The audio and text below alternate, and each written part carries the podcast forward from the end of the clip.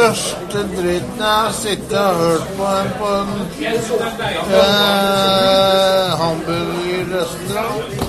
At en sitter og prater om vepser og mygg og faen og dritt i et enda skål.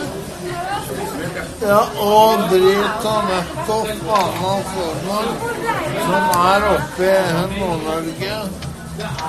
Det er helt tragisk. Consciousness is a feedback between the soul and the mind's eye. Consciousness is a feedback between the soul and the mind's eye. Consciousness is a feedback.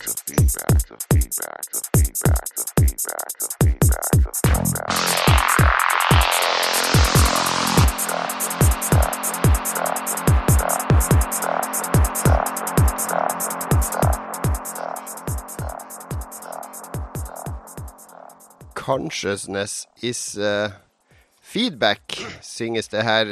Um, ja, Lars, var, var det en slektning du møtte i Oslo der som hadde noen sannhetens ord til deg i starten? Det var en, eh, en sint, full mann på Burgerplassen ved Egertorget. Da, da jeg og min venn Øystein skulle avslutte en fin lørdagskveld. Så ja Jeg vil jo tro at vi høres kanskje ut som vepser og mygg som lager ulyd når vi har våre sending. Så jeg forstår jo for så vidt det.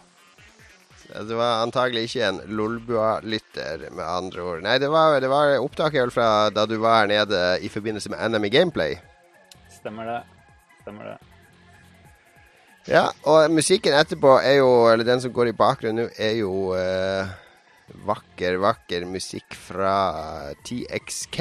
Altså Jeff Minter sitt nye Tempest-inspirerte skytespill, som har uh, Går litt på tematikken vi har valgt for i dag, for vi har valgt å lage en sending om uh, chillespill. Stemmer ikke det, Magnus? Det stemmer så absolutt. Og hva er chillespill, Lars? Det var du som kom på denne ideen.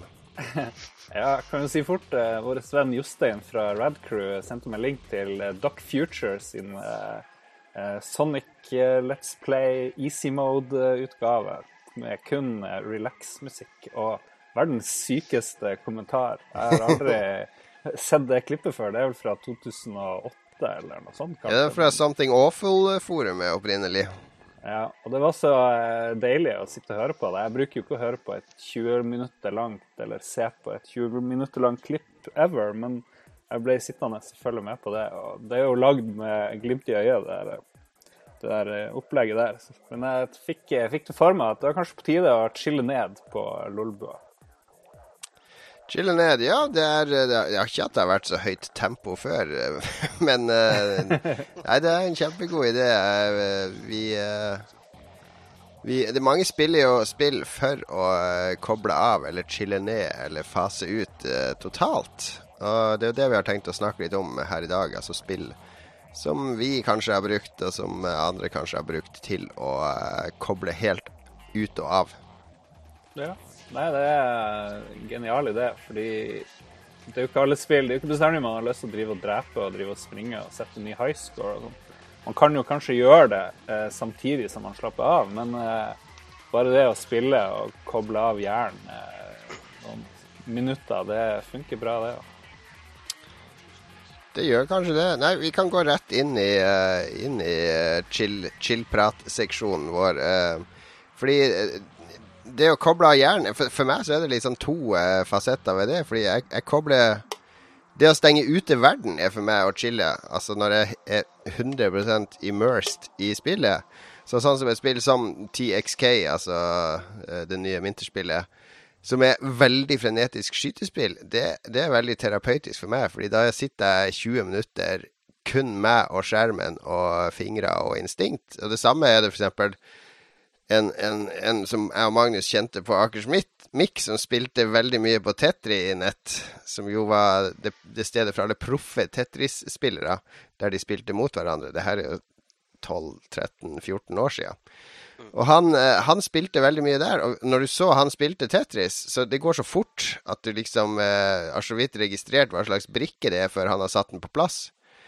Og for han så var det terapi, altså bare fase ut og spille La underbevisstheten spille. Er det kanskje det, mye av det det handler om, at underbevisstheten skal spille? Sånn at hjernen din slipper å jobbe?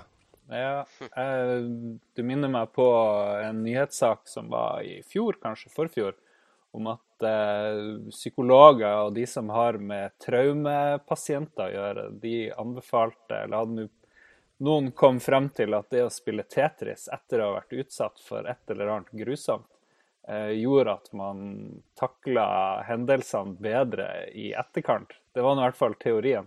Og eh, poenget var vel at hvis du setter deg ned og spiller Tetris, så du kan liksom ikke drive og tenke og gruble på noe særlig annet enn å stable de der greiene. Og det, Det kunne, ja, så kunne det hindre deg i å la de her minnene få bearbeida seg så hardt at de satte seg for grundig i bevisstheten. Det, det, hjernen blir, blir eh, for opptatt av Tetris til å klare Men liksom det du egentlig sier nå, er at man blir avstumpa av dataspill. fordi da, hvis det skjer andre alvorlige ting i livet ditt som kanskje burde påvirke deg, så kan du eh, ja, Det eh, støte de vekk med å spille for mye Tetris. Hvis du er massemorder, så vil jeg anbefale å spille masse Tetris etter hvert eneste drap, f.eks. Du har vært så stille fram til nå, Magnus. Du spiller ikke spill Ja. for å slappe av eller chille. Jeg spiller bare spill for å bli stein gal og løpe ut og være voldelig og uh, Nei, jeg, jeg, jeg er helt med på greia. For meg så er det mer uh, uh, Sånn dagen derpå-spill, pleide jeg å kalle det Uh, før i tida. Ja. Uh, sånn spill som jeg kunne sette meg ned og bare koble helt ut på, som du sier. For meg var det mye World of Warcraft. da. Som var, jeg kunne sette meg ned og gjøre en hel haug med sånn mindless tasks og uh, gjøre enkle quester og bare lure rundt i scenarioet. Det var kjempeavslappende for meg. Det var terapeutisk. Mm. Men jeg hadde jo Ja. Eh, Jeg skrev jo ned også Jeg har eh, Uno. Kommer alltid tilbake til Uno. Ja, men den ser jeg. Den, den spilte Ja. jeg jo mye en stund, bare fordi det er ikke alltid du gidder å sette deg ned og ta det, fortsette i det der tunge FPS eller det tunge rollespill eller Noen ganger så Sitter vil du du og jo bare spiller mot eh, husmødre og Ikke sant? På den der Xboxen. Og, og, og tida flyr. Det er, du kobler helt ut. Og eh, spesielt det er Uno Rush. Der Ja. du måtte være så veldig Du måtte ha så fantastisk sånn her flow hvis du skulle være god i det. da. Ja, det var ganske stressende. Men en bonus Ja. med første Uno, husker jeg, det var jo at det var et av de første spillene som støtta det der eh, Jeg var ikke Kinect-kamera, men det kom jo et sånn vanlig kamera først til. Xboxen. Det var et av de første spillene som støtta det. Så sånn, en bonus i starten var jo at det var en slags uh, precursor til, uh, til uh, chatrulett. Med at du visste aldri Hvis motstanderen hadde aktivert kameraet sitt, så visste du aldri hva du fikk. Det var det alt fra nakne, bleikfette stonere som lå der med skrittet opp i kameraet, til uh, Det var mye rart som dukka opp eh, på Uno i starten, husker jeg. Et fantastisk spill. Jeg brukte eh, Thomas var så liten da. Han lå vel i sånn der eh, eh, Satt og lekte inni sånn der grind, så jeg brukte å peke kamera bort på han når jeg spilte Uno. Bare, eh, eller prøve å ha sånne skrekkbilder. Zoome inn på et eller annet grusomt for å distrahere motspillerne. Funka det, da? Nei, jeg tror ikke det. Og gøy for deg, da. Det er det viktigste.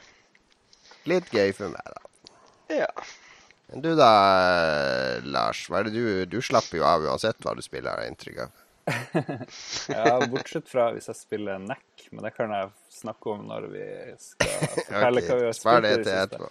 Eh, nei, da jeg var liten, så hadde jeg jo en Atari Lynx eh, med meg rundt omkring på ferie og sånt, og da var det jo et spill jeg snakka om i en retrospalte før, eh, California Games, og spesielt det surfedelen. Og den, eh, det var seriøs relax eh. Bare det å fære opp og ned på bølgene og time hoppene. Og til slutt inntok den store bølgen deg uansett. Det var, uansett hvor flink du var, så kunne du ikke gjøre det så bra. Det var bare å starte på nytt, liksom. Alle skal dø en gang, uansett hvor Ja. flink de er. Veldig poetisk. Ja, det var det. det, var det. Lærte mye om livet av surfinga i California Games, jeg òg. Jeg tenker at surfing er jo veldig de er, jo veldig relaxed, sånn som jeg skjønte. De skal henge loose. Det er jo det som er et av triksene der, da. Men er det bølge? Kan vi surfe når vi skal til USA på E3, Jon? Ja, det er surfestrender i California og LA, så eh, vær min gjest hvis du vil ut der. Men husk helseforsikring og skadeforsikring før du, før du reiser Ja, til USA. ikke, du får ikke noen digre bølger utenfor Los Angeles, da? Ja, vi har jo biler, så vi kan jo kjøre litt nord. Eh, Det er vel, eh, surfe, det er vel et surfedistrikt litt nord der, tror jeg. Tror ikke jeg trenger bølger, egentlig. Jeg tror det er. Men vi kan heller kjøpe sånne eh, maske, gummimaske av døde presidenter, eller amerikanske presidenter. Det tror jeg nok òg vi får der, ja. For Eh, de, nei, for de som har sett Point Break, altså. for eksempel. Nei, et spill som eh, Eller en sjanger innen spill som slår meg som veldig sånn chillespill, er jo det eh, noen kaller de her eh, non-games, eh, sånn som Proteus og, og Dear Esther og sånne typer spill, der du egentlig ikke har så mye interaksjon, bortsett fra at du går rundt og observerer og kikker. Gone Home, eksempel, da er det flere som putter i den kategorien. Og det er jo Gone Home var for meg en ganske intens opplevelse, men Protus var for meg ren, ren terapi å gå rundt på den der random-genererte øya og bare høre musikken som oppsto av omgivelsene. Ja. Jeg vet ikke hva kalles de idle games, de her eh, cookie clicker og de her der eh, spillene. Jeg vet ikke om det er sånn Jo, det er vel avslapning. Pausespill, ja. De er som bare fortsetter, og du trenger ikke gjøre en dritt, egentlig. Det, jeg har, har jo fremdeles min uh, cookie clicker session som jeg starta før jul en gang, uh, gående. Du, jeg holder på å gå tom for strøm på headsetet, så jeg må bare gå og finne meg en kabel mens vi snakker. Jeg går, går og legger en kabel mens vi snakker. Det går fint. Den var smart, du. Nei, vi uh, Nei, det er Jeg føler egentlig at nesten alle spill kan brukes som chillespill, også Call of Duty. For det har jeg brukt uh, til å koble av med seint på kvelden når jeg har sittet oppe. Shit. Nå driver ro robotene og tar Magnus. Magnus det høres ut som han står og fakser der ute. Har du skrudd på modemet, Magnus? Ja, jeg fikk på modemet nå. Det, Ja, Call of Duty. Du har jo i eh, House of Cards, så er jo Call of Duty eh, ja, han spiller jo det for å koble av. Han prøvde å spille God of War, da, men det gikk jo ikke, for han hadde ikke Det internett. funka dårlig. Fordi det er så dårlig. Da, da slutta jeg å se serien. Da bare, da, hvis de ikke klarer å få det riktig, så er det ikke noe Da kan jo ikke det andre stemme. Ja. Um, jeg tenkte på Animal Crossing òg, som et uh, Ja, det er jo ideelt, helt perfekt. eh, relax-spill, altså. Der kan man jo Animal Crossing. Ja, riktig. Den tar jo og skrur ned tempoet så hardt at du kan planlegge at du skal spille neste jul, f.eks. For eksempel. Fordi da skal du få en julegave, så kan du bare la det ligge hele resten av året, liksom. Så har du en, fremdeles noe å glede deg til. Vi har Herregud. Magnus. Hm? Herregud, Magnus. Nå har jeg kabel. Kabel i øret. Ja, vi skal, vi skal dyppe innom chilletemaet chille-temaet videre utover i sendinga. Prøve å inkorporere det her og der. Men vi må eh, strengt tatt gå videre, og vi må snakke litt om hva vi har gjort i det siste. Og Lars, må, du må. Jeg syns du må komme i eh, chill-out-modus. eh, vi kan. Ja, her er det ikke noe må. Her er det ja. Jeg klarer ikke å chille, for jeg vet jo at du har blitt eh, drapsmann siden sist. Ja, jeg må dessverre innrømme at jeg har tatt liv eh, Du har tatt et liv fra, fra, fra Gud og, og naturen. Tatt ja, et liv fra Gud. og jeg skal faktisk innrømme at det første jeg gjorde da jeg kom hjem, det var å sette meg ned og spille Tetris. Men eh, Det var ikke et menneske, da, det var, men det veide kanskje like mye som et menneske. Det var et reinsdyr. Jeg drepte Rudolf. Åssen skjedde det her? Hva, hva, hvordan drepte du det her reinsdyret? Jeg hadde vært på reportasje på et sted som heter Sandstrand, eh, noen eh, mil utenfor Harstad. Jeg var i et nytt spøkelseshus. Jeg er jo spøkelses... eh, Ja, for du lager en dokumentarserie om spøkelsesjegere i Ja, Harstad. Dokumentarserie er å ta veldig hardt i, da.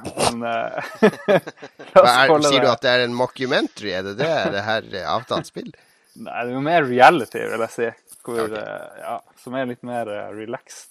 Ok, Men du hadde vært i, vært i spøkelseshus med de folka her, og tydelig rysta det som hadde skjedd eh, der. Så kjørte du hjem, og da Nei, jeg kommer fra en sving i 80-sonen, og så ser jeg at det er noe rein der borte, og så begynner jeg å bremse ned. Men plutselig så hopper det en rein opp fra sida av veien over autovernet, og akkurat Jeg kan ikke svinge eller noe, fordi han er på min side av veien, og så bare Jeg må bare kjøre rett frem. Den hogger selvfølgelig mega inn bremsa, og så sier det kaboink. Jeg lukker igjen øynene like før jeg treffer rein, og så eh, bare åpner dem, så er reinsdyret borte. Men eh, jeg kan jo ikke bare kjøre videre. Eh, Så jeg snur, og så kjører jeg tilbake, og så ser jeg at det er noen spor etter rein som har dratt inn i Jeg lurer på det var sånn bergvegg der, eller hva det var, hvor han har stoppa. Men ti meter lenger unna så står reinen litt sånn shaky, ser ikke så bra ut. Så blir den vel skremt litt av bilen, kanskje, og skal prøve å gå. Men den går litt sånn diagonalt, kan du si. Den går ikke sånn som en rein skal gå. da. Så, eh, ja, så det så ikke bra ut. Så jeg ringer Kopsen, og så eh, blir det notis i avisa dagen du ikke ta etterpå. livet av deg sjøl? Ja, men eh, nei, jeg hadde ikke noe utstyr til Ja, du hadde Torbjørn i bilen, så hadde han jo gått bort og kvalt den. Ja, vi husker jo alle Torbjørn som ville ta livet av en due. Vi Det var venn Torbjørn prøvde en gang i Oslo en due som datt ned fra et tak. Jeg vet ikke hva som hadde skjedd med den, men så lå den jo på bakken og vrei seg. Altså Torbjørn fant ut ja, den må jeg kvele.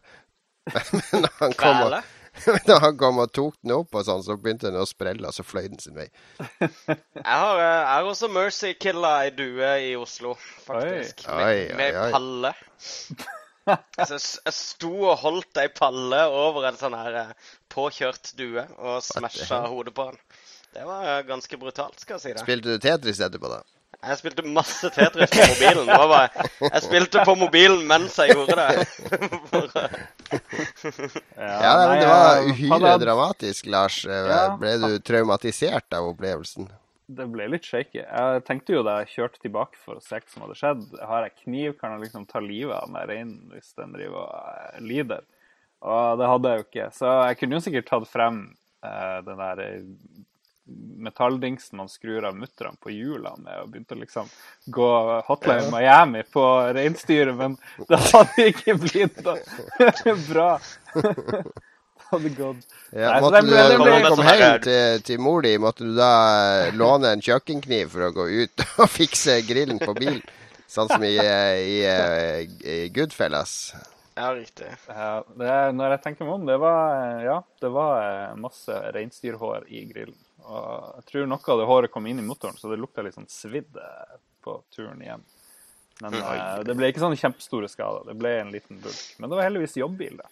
Ja, det er jo bra. Men Var, var, det sånn, var det sånn lapp på reinet og sånn at det tilhører vel en fyr? Så at uh, du, du drepte en av hans reiner? Det, det er jo ikke villrein på Hinnøya. Jeg drepte Nils Olsen sin rein. Han ringte er meg dagen etterpå. Han takka deg, for det er jo saftige forsikringsutbetalinger og subsidier på sånt. Ja. 100 rein som ble påkjørt den dagen der. Jeg vet ikke, jeg vet ikke helt hvor mye han får tilbake, men det, jeg tror det er forsikringsselskapet som tar seg av det der. Det var heldigvis ikke min bil. Men eh, ja, jeg fikk masse reinsdyrhår i gave. Det fikk jeg. Jeg skjønner, jeg skjønner. Den ble funnet dagen etterpå død 80 meter unna fra der jeg kjørte på. Ja, trist, men eh, sånn er livet. Sterkestes rett, og så videre. Her går vi gjennom alle La dette være en lærepenge til alle som hører på. Se dere før, før dere går over veien. Eller så kommer Lars. Det var, Magnus, det du har ikke vært min ute- skyld. jeg er uskyldig. Du har vært ute og dratt eh, kredittkortet, skjønner jeg. Uh, ja, jeg har uh, klart uh, Jeg bestilte en Xbox One uh, omsider. eh, Hvor du bestilte fra. Uh, fra Elkjøp. For uh, 4800. Oh, Elkjøp. oh, jeg regna om, .no. om til både pund og dollar, og det er ganske dyrt i forhold til hva man betaler ellers. Spesielt når du får Ja, men du Titanfall legger på moms hvis du bestiller, vet du. Ja, men nå får du Titanfall i tillegg. Så da blir Ja, men jeg får Titanfall uansett. Så Ja, ja. det går greit. OK. Ehm, eh, jo, og så var jeg innom på eh, Game. Her er vi sponsa. på Karl Johan. Og um, de var så kule at de fiksa en Jeg var rett og slett bare innom for å si hei og se litt på Xbox One-spill. Jeg venta på Xboxen skulle komme i posten i dag. Og så Eller egentlig trodde han skulle komme i morgen. Så spurte jeg bare litt sånn her som, som standardspørsmål. Ja, har dere PS4 inne? Så sa de ja. så du store, selvfølgelig skal jeg ha en. Og så kjøpte jeg den. Så kom jeg hjem og rigga opp PS4-en min, og så fikk jeg melding fra posten om at nå var Xboxen kommet. Så da dro jeg ut igjen. Da dro jeg ut igjen og så ned på posten og henta Xbox One. Og så dro jeg hjem og rigga opp denne. Så nå har jeg to nye konsoller og veldig få spill. Jeg så du har vært inne på Xbox Video og Netflix allerede. Ja, jeg har testa Netflixen på både PS4 og Xbox. Ja, det er det du kommer til å teste neste uke, for nå er det jo achievements i Netflix, vet du. Er det det? Det er noe sånn for å se en hel sesong eller et eller annet. Jeg tror det er den yes. movie-greia. Det, det er achievements for å se på TV nå, vet du. Men jeg så at eh, Netflix på PS4 det har en egen sånn her eh, Ask Max eller noe sånt. Som er unik for den Netflixen. Ja, Der, ja, det eh, vet jeg ikke noe om. Eh, Hvis ikke du har noe å se på, da, så, så får du en, en utrolig sånn humoristisk eh, eh, sekvens hvor du eh, eh, skal rate Han spør eh, Han tar frem tre kategorier med film eller serie Ja. som du har sett mye av fra før.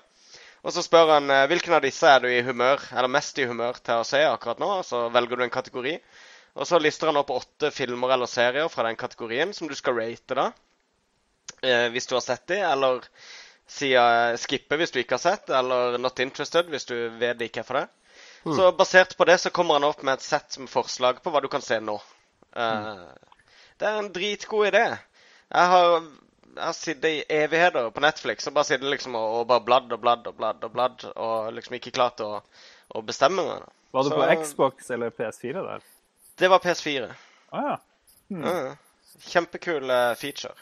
Interessant. Når det kommer til Altså, nå har jeg hørt på dere, eller i hvert fall deg, Jon, bitche og bitche om det der eh, operativsystemet på Xbox One. Ja, det blir litt bedre etter den patchen som kom, da.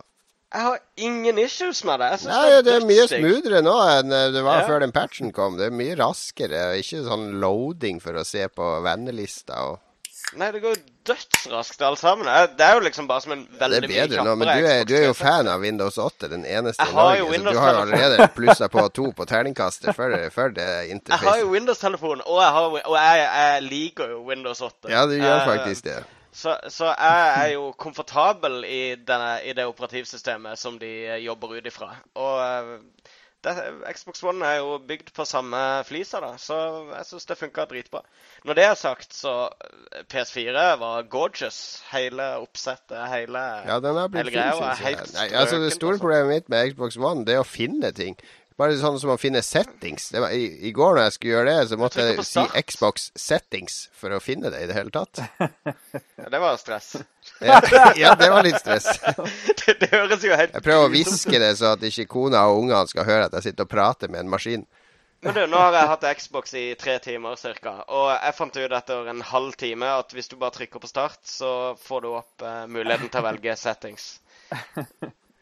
Oi, oi. Det, det, er, ja, det, det stemmer jo ikke, for det er jo ikke noe startknapp på Xbox. Den heter Nei, den der eh, listeknappen Push, push som er options, options to begin, står det i spillene. Jon, i stedet for å være så sint, kan ikke du finne noe avslappende musikk, sånn at vi eh, ikke kjefter så mye på hverandre? Vi må huske at det her er Ja, vi skal chille. Nei, Ja. Det, det er er- det er, eh, jeg har store problemer med å chille i selskap med Magnus, for det blir ofte oppheta. Det blir Men alltid ned. Gratulerer med to gode kjøp, Magnus. Tusen takk. Lykke til Og med jeg kan jo bare konkludere med at jeg er jo Hva sa du? Lykke til med kommende eksamen. ja. Men jeg kan jo i hvert fall konkludere med, bare så det er sagt, at jeg, jeg trodde jeg skulle bli litt mindre fornøyd med Xboxen enn med PlayStation. Men som det er nå, så er jeg storfornøyd med begge to. Nå mangler Du får takke meg for å ha jekka ned forventningene dine. Ja, tusen takk, Jon Cato. Det, det setter jeg pris på. Ingen årsak. Nei, for meg det har ikke skjedd sånn voldsomt mye i det siste, bortsett fra at jeg eh, anmeldte to norske spill på tirsdag i Aftenposten. eh, der er det ene Trolls versus Vikings, som jo er Plants vs. Zombies 2, bare med troll og vikinger i stedet, og masse sånn free Det er bygd på sånn freemium-modell, da. Så du skal skal spille gjennom 18 mange, mange, mange brett. Der du plasserer ut troll som skal beskytte landsbyen sin mot vikinger som marsjerer over rutebrettet. Og det er akkurat som i Plants vs. Zombies, så må du plassere ut sånne karer som graver opp steiner til deg, som da blir eh, energi, så du kan bruke til å summonne troll. Og så har du noen troll som kan bevege seg, og de fleste står i ro, og noen skyter langs en linje. Noen skyter på skrå, og så får du flere og flere etter hvert. Og det Altså, jeg, jeg liker veldig godt Plants vs. Zombies 1. Eh, for det, det er en av de kuleste Tower Defense-spillene som er laga. Perfekt vanskelighetsgrad, perfekt progresjon, perfekt challenge og sånn. Men uh, Plants vs. Zombies 2 så gikk de over til å, ha sånn freemium-modell, og da vanna de ut hele opplevelsen. Uh, gjorde sånn at du måtte ta brett på nytt på høyere vanskelighetsgrad for å tjene nok stjerner til å gå videre i spillet, bare for å liksom uh, få deg til å kjøpe stjerner eller kjøpe penger i stedet for, osv. Og, og, og jeg sleit veldig med Trolls vs. Vikings fordi jeg føler at det er et bra spill som de har uh, drukna i sånne der mikrotransaksjoner, og de beveger seg på en sånn grense der de liksom tar bort moroa hele tida for å, å få meg til å kjøpe ting. Og jeg må liksom kjøpe meg til spilleglede. Det er ikke prestasjonene mine som gir meg glede der.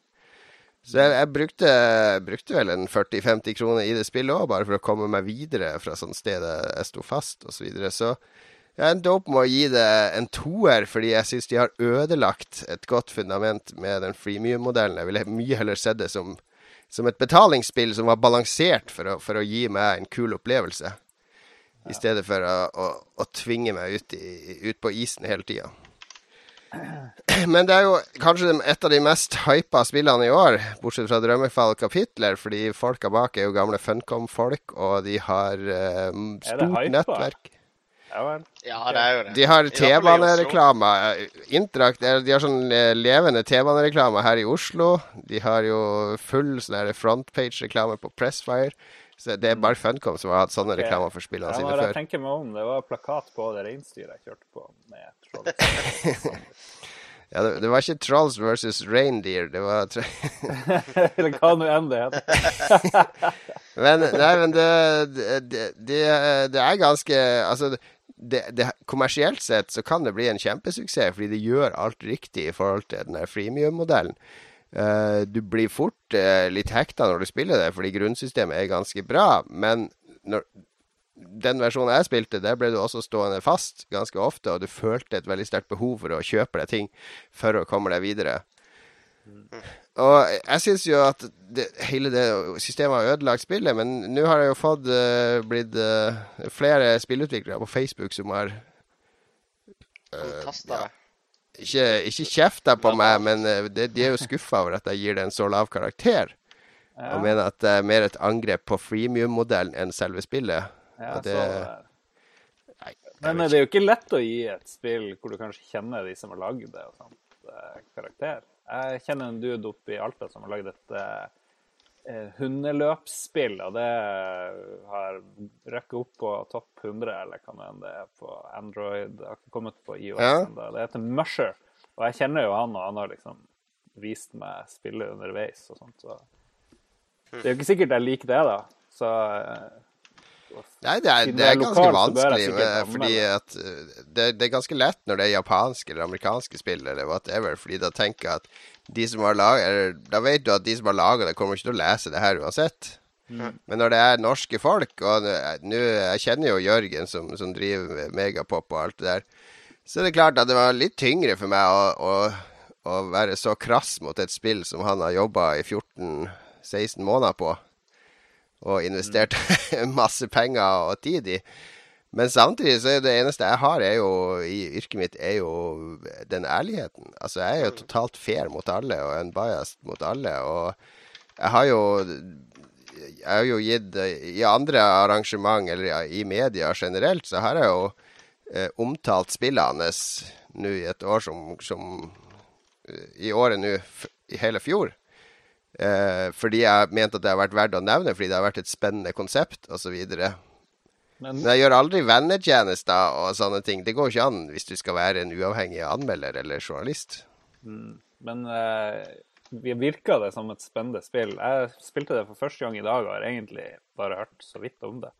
Eh, Jeg syns det er veldig spennende, fordi at det er et spill som eh, eh, på en litt sånn skamløs måte omfavner hele den freemium-greia. Fordi hvis du snakker med alle andre, nesten alle andre spillutviklere i Norge, så, så er de veldig negative til freemium. Og de vil ikke lage spill som er gratis. De vil ikke vanne ut spillene sine med alle disse mikrotransaksjonene, fordi du må tilpasse hele spilldesignet til disse kjøpene.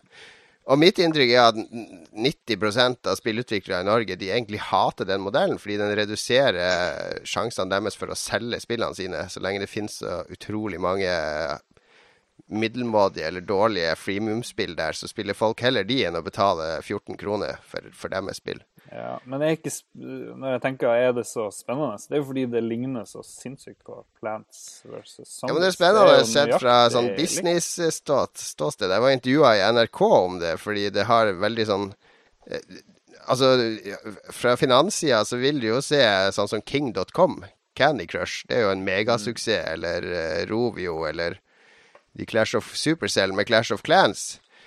Men det er ikke de kuleste spillene sånn fra et kulturståsted, og det er jo der jeg kommer fra når jeg anmelder. anmelder. Men fra sånn fine, spillbransjeståsted, hvis, hvis eh, Megapop har laga noe som blir en tiendedel like populært som Candy Crush, så kommer de jo til å tjene mange, mange millioner, ikke sant?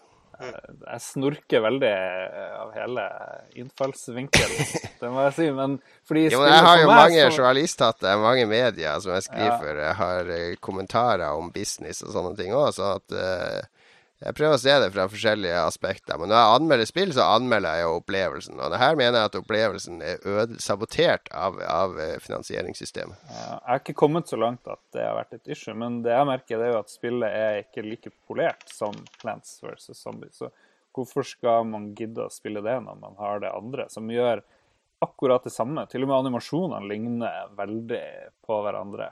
Det er liksom sinnssykt lite som skiller det. Jeg har ikke funnet noe som skiller det, bortsett fra at det er troll eh, som uh, styrer Det er, der, og- eh, det, du får troll så du kan bevege og sånn. Jeg, jeg husker ikke om du fikk det i Plants vs. Zombies 2. OK, det er kanskje Den så jeg òg, men du har folk som driver og miner ting i jorda i stedet for solsikke som Ja, nei, det, det, er, jo- det er en blåkopi. Ja. Det er en blåkopi på alt. Så Men skal, at, vi, skal vi synes det er kult, liksom? Er det Bør ikke det spille Nei, jeg syns ikke det er eh, Jeg syns ikke det er spesielt kult. Jeg er enig i det. Ja, Mitt problem med hele denne sjangeren er at de lager spill som i utgangspunktet er ganske morsomme, men så virker det som de sitter og spikker av etterpå. Så ser de hvor mye de kan spikke av, Ja, og La oss gjøre det mindre morsomt for å få Ja. spilleren til å betale, sånn at det blir morsomt igjen. Det, det, det er, I det det er free to play, så vet jeg at eh, jeg må betale for at dette skal være morsomt underveis, og jeg kommer til å betale mye mer enn jeg ville betalt eh, et fullprisspill. ja, jo, for, ikke alle. Altså, sånn men som du blir minnet hele tida på at eh, Flappy Bird er free to play. Noen klarer seg jo med, med bare annonse òg. Det er jo altså, det er Ja. helt legitimt. Det er sant. Men, men det er hele den derre Altså sånn som det Simpsons-spillet, ikke sant? Det der eh, Ja. Uh, Det er òg et spill jeg ga terningkast to i sin tid. Ja, øh, men øh, altså det er jo en supersuksess. Men, men samtidig så øh, Så er det hele denne ideen da, med at vi har lagd et morsomt spill, og så har vi krympa det vekk. Så, så, så prøver vi å selge så mye av det som er morsomt, som absolutt mulig til det. Eh, Mhm. jeg helt jeg, jeg, jeg skjønner ikke åssen jeg, jeg har ingen interesse for sjangeren i det hele tatt. Men jeg ser jo at kidsa spiller det, da. Men husk at det er ikke en sjanger, det er en eh, forretningsmodell Ja, som okay, er i ferd med å, å få så sterkt innpass i gameplayet at det, den påvirker sjangeren. Ja, men Den- den kategori. den Jeg mener ikke at det er en sjanger i samme forstand som Ja, jeg tror free, freemium er den modellen med at eh, det er tunge mikrotransaksjoner. Men free to play er jo eksempel Dota 2 er jo free to Ja, play. ja, OK. Ja, riktig. Nå skal jeg ikke tulle med sjargongen her, men uh, du har helt rett. Helt rett. Ehm, Men, men det er jo de jeg har et problem med. Jeg har ikke noe problem med, med sånn som Dota og, Nei, nei, og nei, for de har, funnet, de har en helt annen selvtillit i, i det de gjør. Ja. Det er ikke Alright, så utspekulert. dudes. Vi har så mange spørsmål at vi må bare Ja, vi må peise på. Vi må inn i uh, spillnyhetene. og Nå ser jeg Magnus har sittet klar og varma opp strupen. og Oi sann, nei, det har vi ikke. Vi må peise på på en chill-out-måte. Det er ingen tvil. Skal vi ta en litt sånn eh, chill-out-opplesning også, da, siden vi er Yeah, Det må vi, da, da skulle jeg, burde jeg jo egentlig bytta ut den der stressende Green Beret-trommemusikken med noe uh, svale Kan ikke vi prate prate litt toner. drit? Vent, jeg har, jo, jeg har noe her. Er du klar, Magnus? Uh, Ja, det er jeg. Da Nå er jeg spent. blir det nyheter med Magnus Oi, oi, oi. Tellefsen. Nice. Komi-RPG-spillet Southpark kommer i sensurert versjon i Europa, Midtøsten og Afrika. Det er visstnok scener med mannlig abort- og analprober som har blitt bytta ut med noen tekstplakater fra South Park-skaperne i stedet. Nok en ting vi kan ta, takke tyskerne for. Altså, alle spill som blir sensurert i Europa, Ja. sensureres fordi at de skal sensureres for det tyske markedet, og da gidder de ikke å lage en annen versjon for resten av Europa. Det er landet med det grønne blodet. Da jeg jobba på Akersmik på 90-tallet, så kom det en ubåt med tyskere inn i Oslofjorden til en eh, militærøvelse. Og de, de folka om bord de storma inn i butikken for å hamstre med seg Quake 1, for det var totalforbudt i Tyskland. Så de kjøpte hele lageret vårt av Quake 1 som de skulle ha med seg hjem til Tyskland. Ja, Vi hadde samme greie på Spiderman. Dette tror jeg vi har snakka om tidligere. Vi hadde samme greie der med uh, Wolfenstein. Uh, Return to Castle Wolfenstein. Det Ja, var ja. i eh, Og det var det og et par andre spill som de alle tyskere kjøpte, liksom. Red Alert i Tyskland har jo grønt blod på soldatene. Ja, det var de, det de er roboter i, i Tyskland. Det var Mortal Kombat i sin tid, var det ikke det? Med det grønne blodet. Ja, Vi det var en god, eh, spøk i- Ja, men eh, ja Vi eh, gikk- eh, glipp av en god spøk i introen der, for det er jo en egen jødeklasse i spillet der. på det spillet. Så det er jo sikkert derfor den uh, Nei, den jøden, den jøden er visstnok med, hørte jeg. At den jøde med i spillet, ja? Ja, du kan være jøde. Ja, det er jo en egen klasse. Ja, det er Warrior, Wizard og Er det Thief og Jew? Ja. Det er utrolig, det er utrolig kult, det der. Men ja, men eh, nei, er det noe gøy, det? Altså, De gjorde jo det med Last of Us, og er jo sensurert her i Europa. Ja. Det er jo helt grusomt at de kan gjøre det. Jeg mener, Du har aldersgrenser, og utover det så syns jeg de skal ligge unna. Altså, Selv om det er klart det er jo eh, eh, kommersielle produkter, men det har jo et, et, et snev av kunst i seg. da. Det er jo, det er jo et, eh, et kunstnerisk uttrykk, dataspill også. Jeg ville jo aldri gått inn og Jo, du ville kanskje gjort det med film også, så kan de vel sensurere deler. Men det skjer vel så å si aldri lenger, gjør det det? Men det er jo sykt at de eh, sensurerer et South Park-spill, for de er vel de mest råe, og de slipper jo gjennom med alt, egentlig, på eh, Comedy Central i tegnefilmform, ikke sant. Ja. Så Altså, at de har gått med på å bli sensurert på spillet, det overrasker meg litt. Oppskriften Men din har jo vært mm. Jeg, jeg mistenker på en måte at uh, den sensurerte versjonen nesten kommer til å være morsommere enn den vanlige. For jeg tror det eh, han, han Parker og han, uh, han Stone, de to skaperne, tror jeg kommer til å lage det ganske morsom, den der erstatninga som skal komme når det er sensur. De er veldig trassige. Ja, de er jo det. De var jo, de var jo eneste highlighten på sånn der Etre E3 Microsoft sin pressekonferanse på E3 for to år siden var det vel, når de to kom på scenen og bare dissa alt som Microsoft hadde snakka om før, om det der smartglass og Ja, de gleda seg til de kunne sitte i kjøleskapet og styre Xboxen sin. og sånn. Nei, det, så, så de er trass, trassige og krassige. Det, det er bra, to bra egenskaper. Jeg vil ha en ny nyhet og mer chill-out-musikk. Det kommer Det kommer nå. Spillere klager stadig over at spillutviklere og distributører ikke hører på dem. Denne uka seira konsumentene da Konami senka prisen på Metal Gear Solid Ground Zeroes med 10 dollar. Nå som selskapene endelig hører på gamerne, kan vi kanskje håpe på at populære spill som Angry Birds og Call of Duty endelig får oppfølgere. Boom! Boom, boom! Det var en eh, skikkelig hard albue i mellomgulvet til spillbransjen.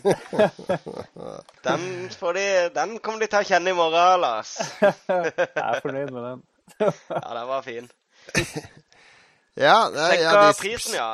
En Ja. glorifisert demo har jeg sett mange beskriver. eh, Ground ja, det skal visst være mulig å runde den på sånn eh, 20 minutter eller noe sånt. Nei, Ja. halvannen time, tror jeg kanskje vel mer korrekt, tror jeg. Ja, hvor mye av det er cutscenes, og hvor mye av det spiller du? Det er vel timer du- med cutscenes. Den går altså fra Er det fra 39 dollar til 29 dollar? Er det det som er Det er 29 til 19 for den digitale, som jeg forsto. Men den fysiske kopien vil fortsatt koste 29, som jeg, som jeg leste ut av pressemeldinga i hvert fall. Ja, det er, forskjell, det er forskjell på PS3 og Xbox 360 og next gen-versjonene. Så next gen er 10 dollar dyrere, da. Men de har bytta ut sånn at nedlastingsprisen er den samme som fysisk copy-prisen. Så det er 19 på old gen og 29 dollar på next gen, da. Ja. Da jeg leste nyheten uh, først uh, her forleden, så, eller nå nylig, så, um, så trodde jeg først at wow, nå har de begynt med en mer fornuftig prispolitikk på spill i next gen. Dette blir bra, tenkte jeg. Og så leser jeg litt videre, og så aha. For det er jo helt uinteressert i alt som er Metal Gear Solid-relatert, må jeg ærlig innrømme. Men jeg syns jo det drøyeste er jo at uh, jeg har jo han der uh, Hideo Kojima Ja. Mhm. på, på Twitter, og han uh, han posta jo masse bilder fra det som åpenbart var sånn review-event for spillet. oppi eh, Langt oppi et kaldt sted inne i en hangar med journalister fra hele verden som har flydd inn for å spille et spill som var, var i to timer. Altså, det var, Men husker dere ikke demoen fra Metal Gear Solid 2, var det noe sånt? Som fulgte med Zone of the Enders, eh, hvis jeg husker Ja. Vi solgte en- masse Zone of the Enders Ja, på grunn Ja, av den demoen. der. Men jeg spilte jo den demoen mer enn to timer, ikke sant? Den varte kanskje ikke så lenge, men jeg spilte den jo om og om igjen. Så det er jo Jeg vet ikke. Jeg klarer ikke å hisse meg opp. eh, Nei da, ja da. Det er, Ja, men det det er er, bra demo. at de senker prisen, da. Det er vi enige om. Jo, men han burde, han burde senkes ytterligere. Hæ? De burde jo ikke selge det i det hele tatt. Ja, men de det er jo ikke, en demo heller. Jeg tror den for, gjør andre ting enn hovedspillet gjør. men skal de ikke selge spillet også? Jo, det kommer uh, hovedspill òg. Får du rabatt på hovedspillet når du har kjøpt Det det? er jo som Gran Turismo og prologer nå. Prologen, ja. også Ja, men er det noen som syns at den prologen var en moralsk uh, handling? Det er marked og etterspørsel, Lars. Marked og etterspørsel. Det er det. Da hooker vi av én for Lars i stedet for Magnus. Neste nyhet, takk. PlayStation 4 ble lansert i Japan i helga og solgte 322 000 X på to dager, hvor konsumentene ikke på noe tidspunkt løp hverandre ned for å presse seg foran køen. Spillindustriens undergang er et faktum. Det, da, da tenkte du jo på når eh, Mediamarkt, eller hva de heter, den tyske kjeden, alle de videoklippene fra kunder som eh, fantastisk. holdt på å trample hverandre for å få PS4. Ja, hvis folk ikke har sett det, så må de sjekke det. Men japanere har jo alltid hatt en fin køkultur. De står høflig i kø, de. Jo da, de men det ble vel ikke utsolgt heller, så vidt jeg kunne skjønne. Ja. Nei, det har vært litt pynting på de nyhetene fra, fra lanseringa. Det var en veldig bra sånn kronikk i The Guardian, den engelske avisen, med han uh, spillskribenten der, som uh, hadde gått litt i dybden på, på lanseringa. ja, OK, hva han fant ut av? Nei, eh, nei, han eh, var jo litt sånn dommedagsoverheng over den, og at eh, Ja, det var, det var ikke mye spill som selges til den heller. Alle vil jo bare ha Metal Gear Solid, så det er jo den store, store attraksjonen der borte. Ja. Ja, det var ingen spill som hadde solgt over 100 000, tror jeg. Nei, Yakuza, sånn Yakuza-bispill solgte best. Ja, det, vært, det var sånn 80 000-90 000 eksemplarer. Så eh, hvis det ikke har blitt veldig mye digitalt salg, for det var ikke med i den der oversikten, så går det dårlig. Men eh, en japaner på Neogaf sa at folk kjøpte ikke så mye digitalt. Men eh, Nei, jo, det er jo håndholdt som dominerer i Japan. Mm. Den stasjonære spillinga er jo helt på vei ut der borte, så det er nå bare sånn det er. Men i en annen related news så har VU nå solgt mer enn Xbox 360 i Japan. ja, men det skal jo ikke så mye til, da. Det er jo en sånn her fremmed Ja, det er nettopp. Det skal ikke så mye til. og Den har brukt over et år på å gå forbi eh, Xbox 360. Ja, det sier litt, ja. Men, eh, men hva skal vi si om eh, industrien, da? Hvor går det? Det er jo tema for en hel sending, da. Men kjapt, tror vi det går til helvete, eller? eh, Nei, jeg tror ikke det, men jeg tror det, de stasjonære konsollene blir eh, mindre dominerende enn de har vært de siste ti årene, fordi du har reelle alternativer nå. Du trenger ikke lenger å ha en konsoll for å spille Fifa eller fotball eller kjøre litt bilspill. Ja, Det er men bildet klart. er, det, er det slutt da med store spill, ikke sant? Kommer det noe Final Fantasy på Nei, jeg tror ikke det, fordi at de der, eh, de der eh, De der eh, fem millionene som kjøper Tomb Raider, og de fire millionene som kjøper Final Fantasy og sånn, de vil fortsatt kjøpe konsollene. Så de kundene er ikke borte. Men av de Tenk på altså PlayStation 3, det er vel sånn 80 millioner av den maskinen. Og kun eh, to millioner av de har kjøpt God of War, for eksempel. Altså, de, de to millioner kundene de har fortsatt en PS4, og de kommer fortsatt til å kjøpe det på PS4. Det er bare at de der eh, 50 millionene casual-kundene som kun har kjøpt maskin for å spille litt Fifa og litt Gran Turismo, de sitter kanskje litt eh, mer på gjerdet nå og tenker OK, jeg har en iPad, og ungene er fornøyd med den, så vi trenger egentlig ikke å kjøpe den. Det, har jo litt med spill å gjøre òg. Det er jo det det kommer tilbake til. Eh, Folk de, de må jo bli liksom wowa av at det vises noe fascinerende på en eller annen trailer eller en eller annen skjerm. For at Helt klart, skal- helt klart det har innspill òg. det, det er jo ingen, ingen familie Eller det er sikkert noen Nei, nei, nei, men, men, men det, det er jo det casual-markedet de har gått etter de siste, både med, med PS3 og Xbox og vi. ja. De, de så plutselig Oi, vi kan bli så store, vi kan få alle de her som vanligvis ikke spiller, til å kjøpe konsollene våre. Og det markedet tror jeg har beveget seg bort nå. Sånn at de får ikke de tilbake igjen med de nye konsollene. jeg, jeg tror i hvert fall ikke de, de skal trekkes inn i det med eh, Skal lokkes med liksom specs og sånne ting som det der. Nei, nei, nei, da, da må det komme noe som du ikke får på, på iPad eller uh, Ja. på, på en, en vanlig kontor-PC, så du kan spille gratis i en browser. Så det er ikke dommerdag, men eh, det markedene, markedene forandrer seg. eh, og jeg tror konsollmarkedet vil, vil bli mindre enn det har vært. Men Men ligger det vil overleve helt fint. Ligger ikke både PlayStation og Xbox foran uh, eh, Altså, PlayStation 4 den har solgt bedre enn PlayStation 3 hadde på denne tida. hadde Jo, ikke? men poenget mitt er jo at alle konsoller selger jo 6, 7, 8, 9, 10 millioner. Det er, ikke, det er ikke så vanskelig. Problemet er når du skal nå utover meg og deg og han Final Fantasy-spilleren og de eh, hardcore-gamerne. Det er da salget kommer til å stoppe opp. Ja, men det er ikke 10 millioner hardcore gamere som kjøper konsollen. Det er en Det er del 10 casual millioner som er mer enn eh, enn, eh, litt interessert i PlayStation. Jeg tror de store titlene må lanseres. Jeg tror f.eks. Titanfall vil påvirke Xbox-salget. Eh, jeg er helt enig. og det, det så du jo nå når eh, Hvem var det? GameStop ble utsolgt for Xbox One nå. Eh, det var vel første gang de ble det også. ja. Da de prisa ned den der Titanfall-bundlen.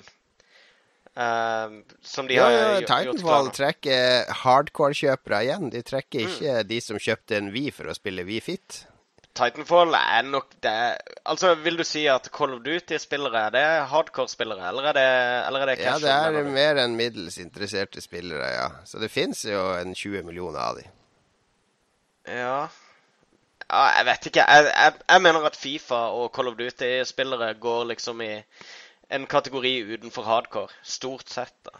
Du har veldig FIFA, mange ja, men det, ja, Fifa og Gran Turismo er jo det som de casual-spillerne har kjøpt de maskinene for, mener jeg. Ja, og Call Ja. of Duty, for så vidt. Det, det er enkel avkobling og avslapping her og der. Men hvorfor skal de kjøpe Fifa nå, hvis de får den samme avkoblinga fra New Star Soccer eller Football Manager på mobil? Fordi de alltid har spilt Fifa, og fordi de fortsetter å spille Fifa. Fordi de, Nei, og så har de fått barn, og ungene er ikke interessert i konsoller lenger, og det er et faktum. Uh, nei, det er mange faktorer som spiller inn. Jeg tror det vil stoppe, og du tror ikke det vil stoppe, eller dere tror ikke. Så det foreslår jeg at i episode Hva du sa jeg mente å ikke bli stoppet? Du er på Magnus sin side, tror jeg. Nei, jeg tror jo vi er fucked. Det er jo det jeg tror. Ok, Du tror det går til helvete. Magnus tror det går bra. Jeg tror at det går helt greit, bare at konsollmarkedet vil krympe.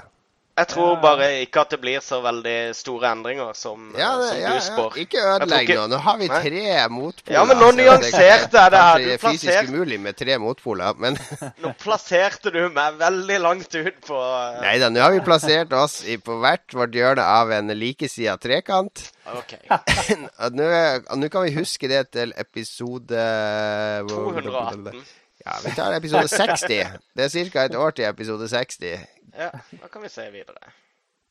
Eh, da kan vi ta opp den tråden igjen, så skriv det i sendeskjemaet. Husk å ta opp dette igjen i episode 60.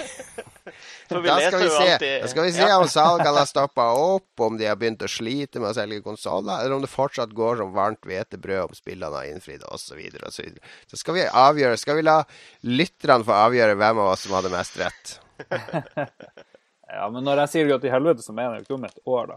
Det må jo sies. Men, Nei, men det jo Jon Cato har allerede bestemt veggen. det.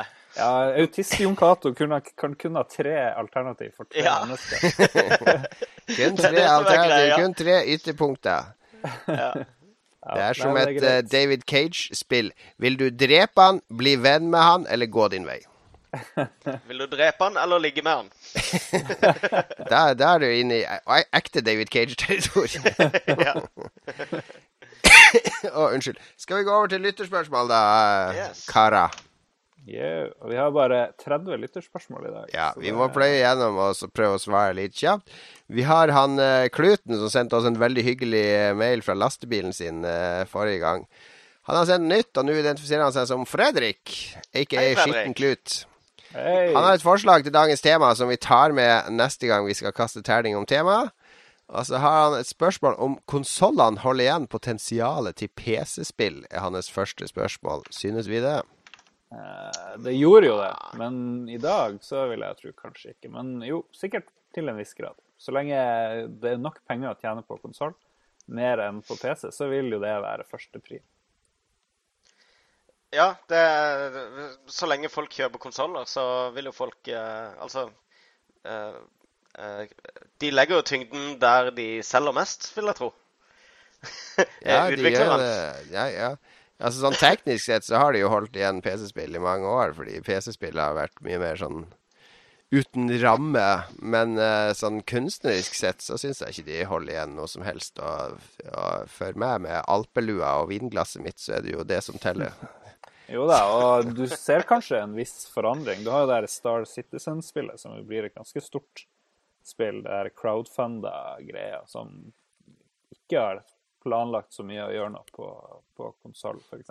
Nei, og du har sånn som Day- DayZ og, og Rust og sånne spill òg, som er reindyrka PC-spill som utforsker og innoverer i helt nye retninger. Så de, de har gjort det i noen år, når, når Xbox og PlayStation var det som var hovedplattform for alle utviklere. Men eh, de siste to-tre årene så syns jeg PC-en har fått en voldsom renessanse i å være førsteplattform for mange. Ja, det er ingen tvil. Det er jo Witcher og alle de her er. Men var Witcher så jæklig bra, selv om de bare lagde det for PC? Var det sånn at Witcher? de ikke- ja, for eksempel Witcher eh, 2. Det eller første det. Witcher var rent PC. Ja, men Witcher 2 er jo i hvert fall på Xbox. Det kom jo lenge etter, da. Ja, det Ja. var en port. Men Eh, da- nå sporer vi av. Spørsmål Ja. to fra han. Er det noen av dere som har spilt eller spiller Dwarf Fortress? Nei. Lars, indie-kongen. Er du der, Lars? Indie-Lars. Gu- Gu-Lars. Jeg hører, men det er ufattelig dårlig. Indigo. Er det ikke det han heter, han kompisen til Gulars? Indigo Gu-Lars. Lars, har du spilt Dwarf, Dwarf Fortress? Du har jo spilt alle indie-spill. Tydeligvis ikke. Nei, jeg har, jeg har ikke Eller jeg har sett på noen som har spilt det, og det holdt egentlig. Eh, jeg har eh, Jeg er jo egentlig veldig glad i abstrakte spill, men når det blir sånn rent ASCII-tegn og sånn, så, så jeg, får jeg litt sånn noia. Føler det er sånn ekstremt ekstrem høy lærekurve bare for å lære seg hva ting skal, skal, skal være når det er symboler. I så stor grad. Men jeg har spilt eh, det som flere sier er Eller jeg har akkurat begynt å spille det som flere sier er en slags sånn uh, arvtaker til eh, Til Dwarf Fortress, i hvert fall i ånden. Og det er Det er helt nytt eh, sånn indiespill. Hva, hva er det det heter, Magnus? Uh, helt nytt indiespill. Banished. Ja, det visste ikke jeg. Banished er uh, Jeg har bare spilt uh, et par timer, men det er et spill der du har en liten landsby Eller noen, noen få folk, da, 20-30 folk, som kommer med en vogn, og så skal du bygge en landsby til dem. Ja. og det er basically en ekstremt edruelig middelalderversjon av uh, SimCity, der det ikke er noe fancy-pansy tull. Altså, bygg eh, hus sånn at de får tak over hodet. Hogg ned ved sånn at de kan eh, ha varr. Nå gikk lyden hos meg. Å ha eh, varme. eh, lage en skredder så de kan ha klær. Fiske så de får mat.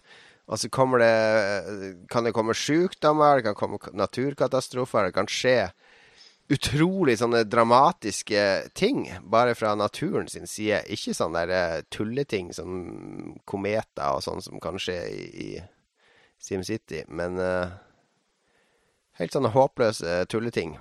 Eh, Ja. Helt sånne voldsomt realistiske ting. Ja, var det liksom en mild bris? Nei, en hard vinter. Ja, okay. Du kan liksom ha bygd opp stammen din. Ok, det, det, det, er 300 folk som bor her, og de er delt inn i voksne, eh, studenter og barn. Så skal det komme en knallhard vinter, og så hadde du ikke nok mat. Og så plutselig så 80% av stammen din dør i løpet av den vinteren. Og det, jeg, har ikke opplevd, jeg har ikke spilt så langt ennå, så jeg har ikke opplevd det sjøl ennå. Men jeg leser fra anmeldelser og fra folk som har spilt spillet, at det er hjerteskjærende. Fordi, fordi det er såpass edruelig og, og vanlig presentert. Altså Det er veldig sånn realistisk. Og Vi begynner veldig om sånn tysk, tysk spill i, i grafikkstilen. For det er veldig realistisk presentert, og naturtro eh, trær og bygninger. Og ikke noe sånn her eh, fantasypreg over det. Så jeg liker det veldig, veldig godt så langt. Og det, det skal ha litt av den der nådeløsheten til Dwarf Fortress. Du må sjøl lære deg hva som er smart, hva, hva, hva du bør satse på, hva terrenget kan by på, osv. Toft. Det ser ut som vi har mista Lars under, uh, underveis. Ja, det skjer rett som det er når Lars drikker øl. Det er ekstremvær i Nord-Norge. Jeg prøver å invitere ham på nytt, så får vi bare fortsette med spørsmålene. I hvert fall stor takk til, eh, til eh, Skitten Klut, Fredrik, for, for spørsmålene hans. Takk. takk. Og vi spekulerte vel i forrige episode på om han kjørte, satt og kjørte PlayStation 4 over Saltfjellet til Nord-Norge, men han kjører dessverre kun post fra, fra Kristiansand til Hovden. Kristiansand vet du. Det er godt å høre. Tar du neste, Magnus? Uh, ja, da var det Øyvind Hatleskog som lurer på om vi som spillanmeldere har noe ambivalent forhold til det med poeng og karaktersetting av spill. Dette har jo vi diskutert en jeg vet ikke, en milliard timer som Ja, eh, du, på ikke på kammerset med det. Men ikke i all offentlighet. Men dette har jo vært en, en gjenganger når vi har kjeda oss på diverse redaksjonskontorer. Ja. Nei, det, det er noe som alle media, eller sånn halvseriøse spillmedia, en eller annen gang har diskutert og snakket om, er det å droppe karakterer. Og det, man kan For min del så så er teksten selvfølgelig viktigst, men eh, karakterer tjener I alle sånn tabloide eller kommersielle øyemed så tjener karakterene et veldig eh, en veldig stor funksjon, fordi at det blir en veldig sånn konkret uh, måte å måle kvaliteten på det du har anmeldt.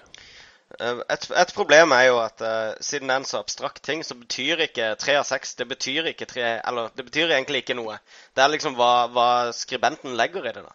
Og du ser litt forskjellige medier. altså At eh, fem av seks kan bety noe helt annet eh, i f.eks. GameRactor enn på gamer.no. Så, så kan det Mhm. være at den ene siden, Den ene skribenten mener at det er en teknisk eh, eh, eh, fantastisk god tittel, mens den andre kan kan si at uh, han hadde det fem av seks gøy mens han spilte det. så, så det blir liksom Det er en veldig abstrakt måte å kategorisere spill på, men jeg syns det er en helt grei måte å bare Det er ikke alle som har lyst til å lese fem sider med tekst bare for Nei, å vite hva. Jeg noen gjort- syns om det. Jeg skrev noen få anmeldelser på, på Nboss. Jeg skal prøve å få til litt flere i fremtida, for jeg har et par jeg har lyst til å skrive der. Og der, de er jo helt uten eh, karakter. Ja. De er jo eh, kanskje litt mer pretensiøse, for å bruke det ordet. Men det, det føler at en karakter gjør seg ikke sammen med de tekstene, på en måte. For, det, for der, er, er et prøver jeg å lage teksten til en opplevelse også. Og da blir det liksom som å Det blir som å putte CGI i en Kubrik-film. Nå prater jeg veldig høyt om det jeg produserer der, og det var ikke meninga i det hele tatt. Men det, det ødelegger liksom litt av den stemninga og det jeg prøver å oppnå med de tekstene. Ja, eh, men da gjør du det jo mye for tekstene sin skyld også, da. Eh, Ja, for, det er mye så er sånn tekst, teksttrening. for mange så er jo spillanmeldelser eh, forbrukerinformasjon. Ikke sant? Altså, De står med lommeboka klar og skal jeg bruke penger på dette eller ikke. Og da er det en ren sånn, da er det som å anmelde legetøy eh, Mm. på mange nivåer. da. Mens så har du de som, som anmelder kulturprodukter, som blir litt annerledes, da. Sånn som du gjør det. Og for store kommersielle medier også, så er det veldig viktig å være til stede på Metacritic, ikke sant? Og derfor må de ha karakterer, og så er det viktig at når de gir høye karakterer, så kan de få logoen til bladet sitt på Mm. coveret til et spill, eller på reklameplakaten til et spill med ni av ti game reactor osv. Så videre, sånn at det, det, det er veldig store kommersielle hensyn til å ha de med. Men jeg vet jo at de seriøse aviser sånn eh, Der har det jo vært eh, diskutert i tabloider å innføre terningkast på bokanmeldelser. Ja, det liker de ikke. Det De, de, de litteraturkritikerne eh, Da er det høygafler og fakler og, og opprør hver gang det har vært foreslått i en, i en kommersiell tabloidavis. Det er liksom å dra finkulturen ned i søla og begynne å Ja. sette terningkast på, på eh, litteratur. Ja, det- er litt, men du ser det for deg. altså Terningkast på opera og ballett og sånne ting. eh, ikke sant? Jeg tror de føler seg for gode for det. Ja, kanskje høykulturen. Men, men, eh, det er jo, men det er jo et greit standpunkt, da. Men det er kanskje det eh, Kanskje film- og spillbransjen burde kikke i den retninga, da.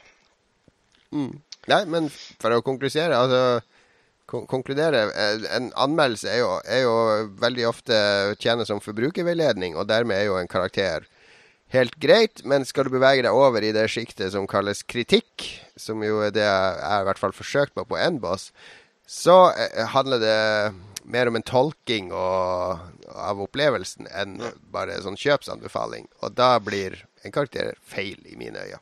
Ja. Flott. Rostvåg, neste Han er jo fra, fra Yes. vårt Spillmatic. Spillmatic, ja. Ja, så da er det ikke overraskende at det ikke er noe positivt som skal sies. Det er ikke det, for etter eget utsagn vet ikke Lolbua noe om Dota 2 eller Clash of Clans. Hilsen fyr som har spilt begge i over ett år. Man må ikke være fjortis. Jeg, jeg vet ikke hva han refererer til der. Har vi sagt at Jeg du tror må være vi har. Jo, når vi kåra årets spill med og Lars, så hadde Ja. vi ikke med Da nevnte vi at vi ikke hadde nok kunnskap om Dota 2 til å ha det med, men at vi hadde hørt fra mange at det burde være med. Hmm. Men Clash of Clans har jeg Jeg har ikke spilt det mye, men jeg kjenner til spillet. For jeg har en sønn på tolv som har spilt det siden det kom. Så Ja. jeg får jo jevnlige oppdateringer, og jeg vet ganske mye om, om det spillet. Og jeg syns egentlig det er et ganske kult spill. Uh, men uh, nei, du har rett, man må ikke være fjortis for å spille de spillene. Men akkurat Dota, det krever enormt mye tid. Mm. Ja, og de, de har også vært innom og prøvd. Jeg har bare spilt tutorialen så langt, da. Men med en gang jeg kom inn der, så fikk jeg to advarsler på Steam fra venner der som ikke begynner å spille det her. Det her kommer aldri du til å ha tid til, som må spille så mye. Vi kan da konkludere med at man må ikke være fjortis, men det hjelper. det hjelper definitivt. Vi kan gå videre til Jostein HH. Jeg får, forresten var det melding fra Lars her at ja. nettet er helt nede oppe i Harstad. Ja, fikk du på telefon da, eller på internett? Nei, på telefonen. Så uh, vi får vel bare The show must go on, er det ikke det det heter? Det er det de sier. Jeg Satser på at han er tilbake til quizen. ja, ellers har vi ikke noe quizmaster. Hva er neste, Lars? Det var Jostein fra Red Crew. Nå har vi to Lars for Magnus. Magnus. Nå, Ja. Beklager. Som, Nei, som jeg sa før sendinga til, Ja. til Magnus og Lars, er at jeg har, jeg har tre barn, tre sønner, og de jeg, jeg blander alltid navnene deres, så det, Magnus og Lars er på en måte mine, min fjerde og femte sønn. Velkommen tilbake, barn, Lars. Hello! Du har recorda lyd hele tida, håper jeg. Uh, ja da. Jeg summer Yes. litt og sånt. Ja. Lyden er OK. Bra, bra, bra. Nei, vi har, eh, vi har svart på et par spørsmål. Vi er, over, vi er hos, uh, inne på Jostein sitt spørsmål fra Red Crew. Stor hei til uh, våre venner i Red Crew.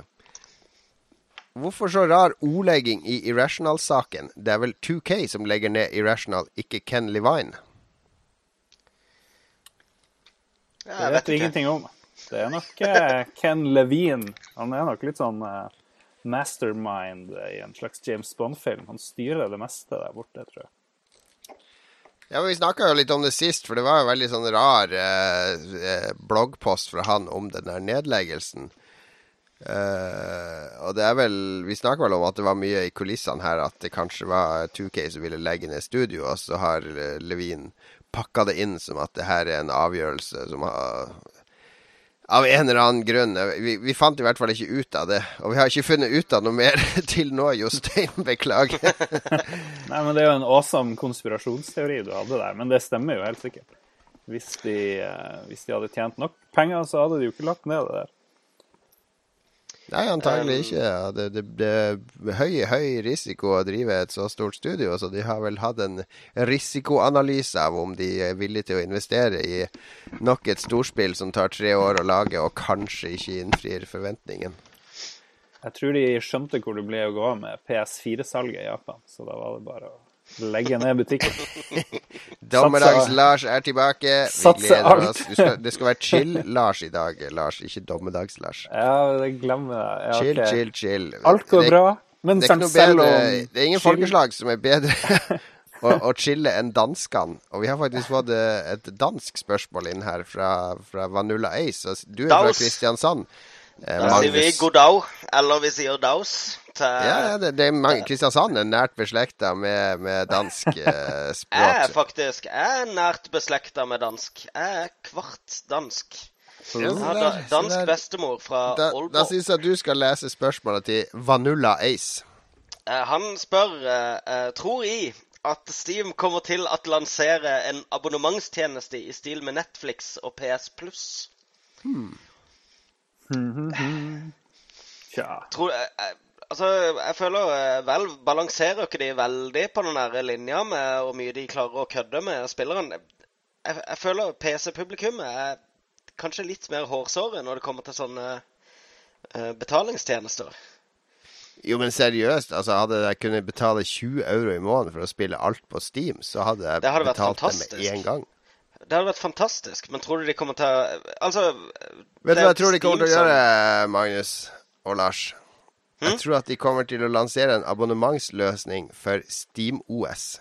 De som har, kjører Steam gjennom SteamOS, kan betale for å abonnere og få tilgang til Sikkert ikke alle spillene, for de får ikke med alle utgiverne, men alle indie-spillene og en stor del av databasen får de tilgang til. Men kun gjennom SteamOS. På den måten så viser de en stor finger til Windows. De får Steam-maskinene sine ut og inn i hjem, og de får folk til å installere Linux-partisjoner bare for å kunne ha eh, spillbransjens svar på eh, Spotify. Nå ble det høy temperatur i Ja, chill- nå var det- eh, chill-greia her, ja. Det Spennende. var ikke mye chill, Er ikke det en god det teori, da? Hvis det det blir virkelighet, altså. husk hvor dere hørte det først. Vi hørte det først her. De må, de må jo gjøre et eller annet for å få solgt de her Steam-OS-maskinene sine, så ja. Det, ja. Ja, for det på papiret Altså Som det ser ut nå, så ser jeg ingen gode argumenter for å kjøpe en Steam OS. Eller sånn. Ja, jeg tror jeg, som en, som en indie-utvikler jeg ville, Hvis Steam tilbød meg Vil du være med i den abonnementsordninga her, så får du selvfølgelig prosenter eller promiller av det hver måned. Jeg ville jo kaste meg over det. For tenk hvis, hvis 1 million betaler eh, 20 dollar i måneden Det er 20 millioner dollar i måneden.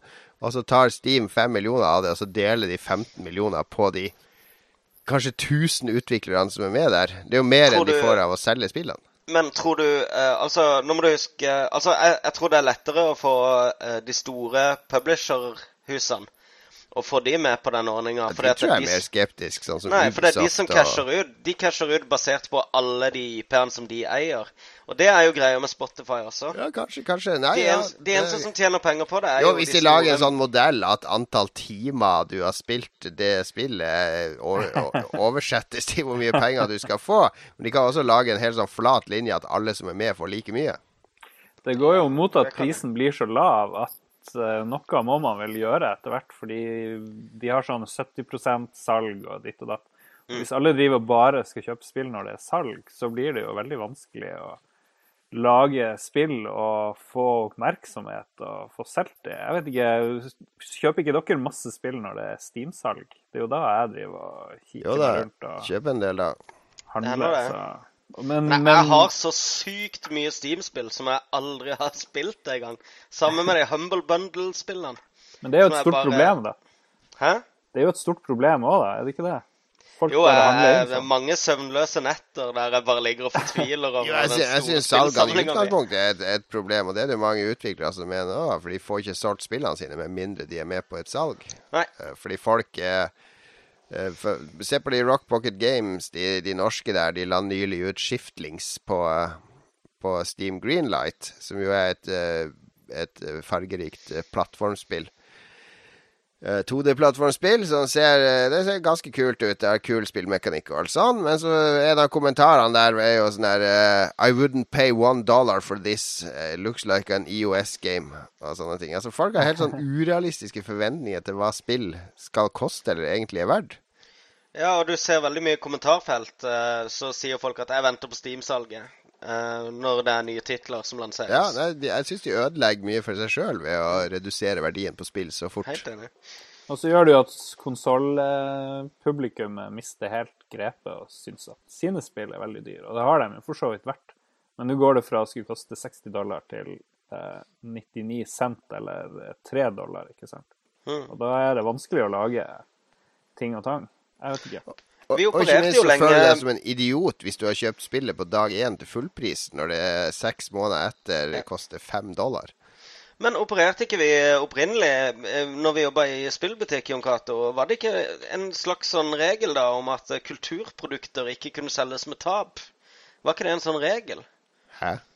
Ja, at, eh, at det var ikke lov å selge dem med tap, altså når det var, når det var sånn uh, kulturelle kreasjoner. Hva, hva er tap? Eh, Det, med underskudd. At uh, du hadde en sånn her minsteprisgaranti på, på visse produkter. Uh, men Det er bare bøker jeg kjenner til som opererer med sånn, sånne beskyttelser. Ja, riktig. Men, men det har jo med dette med at ikke du skal kunne forringe prisen på, på sånn skaperverk og sånne ting. da.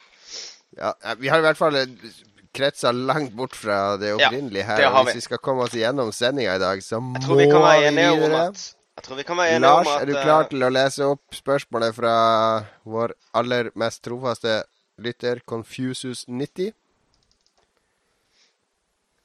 Nei. Det vil han Nei. ikke.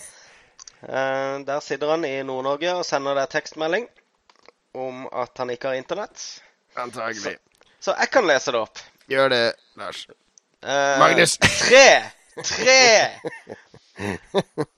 Uh, for, uh, hvilket forhold har dere til MMO-er, og tror dere Wildstar kan gjøre det bra? Et fantastisk godt spørsmål, syns jeg.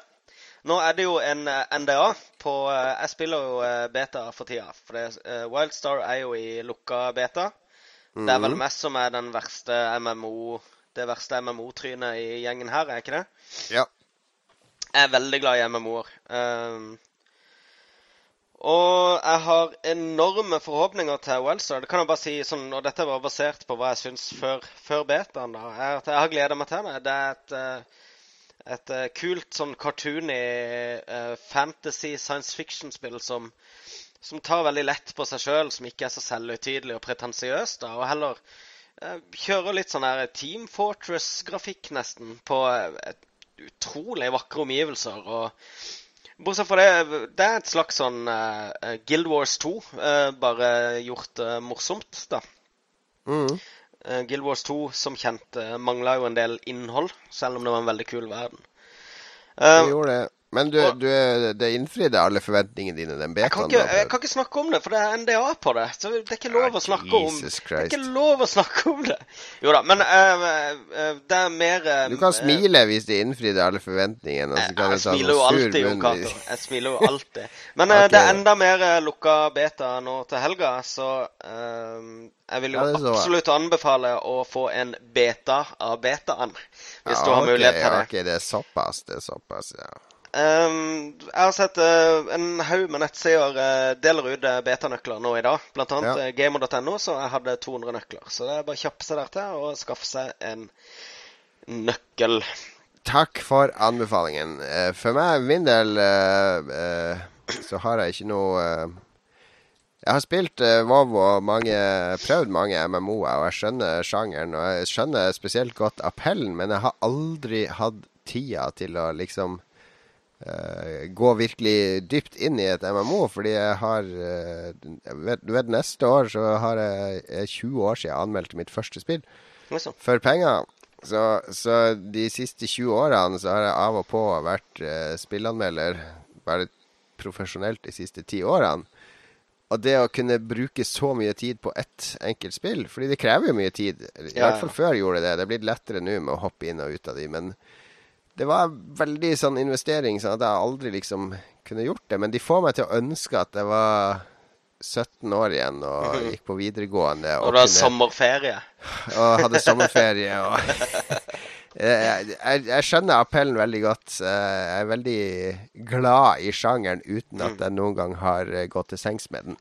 Hvis, hvis det var en eh, analogi som jeg jeg Ja, den var akkurat klam nok til at vi forstår den.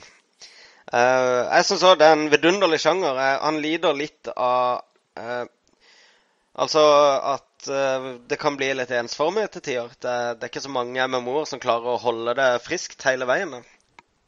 Uh, World of Warcraft har jo gjort en Eller Blizzard har jo gjort en Ja. fantastisk jobb med World of Warcraft. Med å holde det friskt hele veien. Og, Ja, ja. Og oppdaterer det hele veien. Nå har de kanskje gjort det litt for friskt for, for eh, hardcore-spillere som har lyst til å investere mer tid. Og, ja, vi får se hvordan det blir med den nye pakken. da. Jeg er litt spent på den. Jeg har det. fortsatt et WoW-abo gående, for eh, det ene sønnen min han spiller det av og til. Jeg tror jeg har et sånt fra Blizzard som bare går. Ja, ja, ja. Men uh, hvis, hvis lytterne lurer på hvorfor vi hører så lite fra Lars, så er det fordi han har store nettverksproblemer i Harstad. Antagelig så er det disse spøkelsene og disse okkulte kreftene han driver og leker med i videoserien sin på Harstad-Tine, som nå kommer inn og tar hevn i hans eget hjem.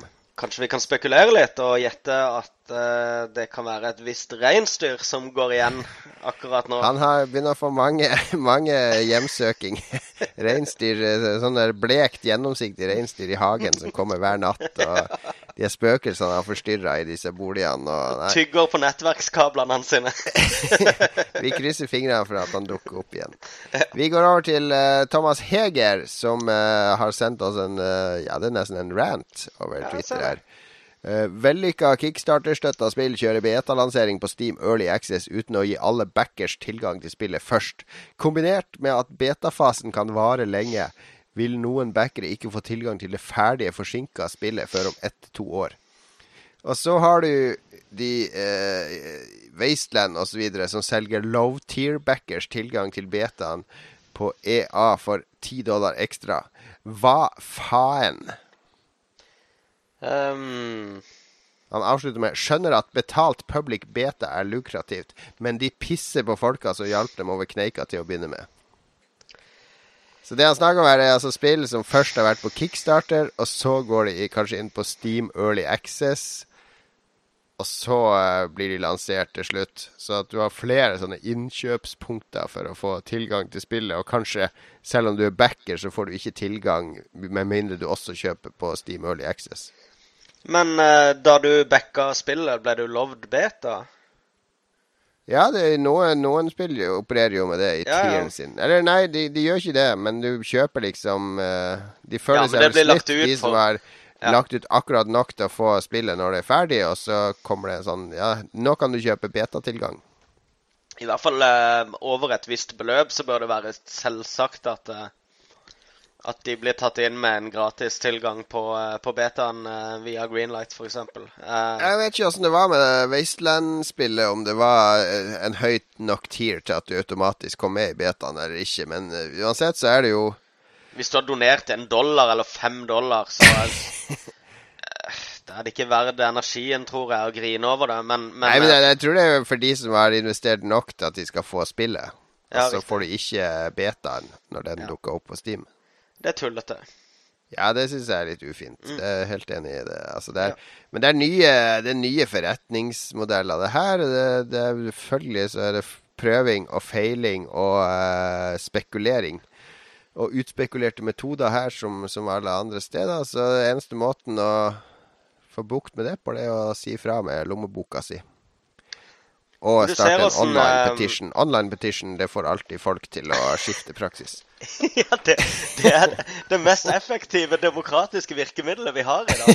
Det, ja, det er er det ikke det? petition. Eh, men du, du ser jo bare på temperaturen i herr Hegers eh, meldinger her, hvor uh, personlig Ja, han tror jeg Han virker rasende.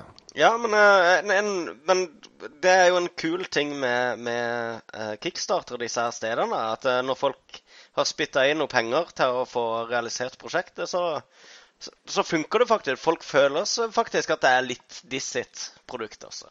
Det er Ja. veldig kul eh, Det er gøy å se i praksis. Absolutt. absolutt. Vi har vel uh, Vi har fire spørsmål igjen. Uh, Er det enda et uh, Heger-spørsmål til slutt her? ja, det er det.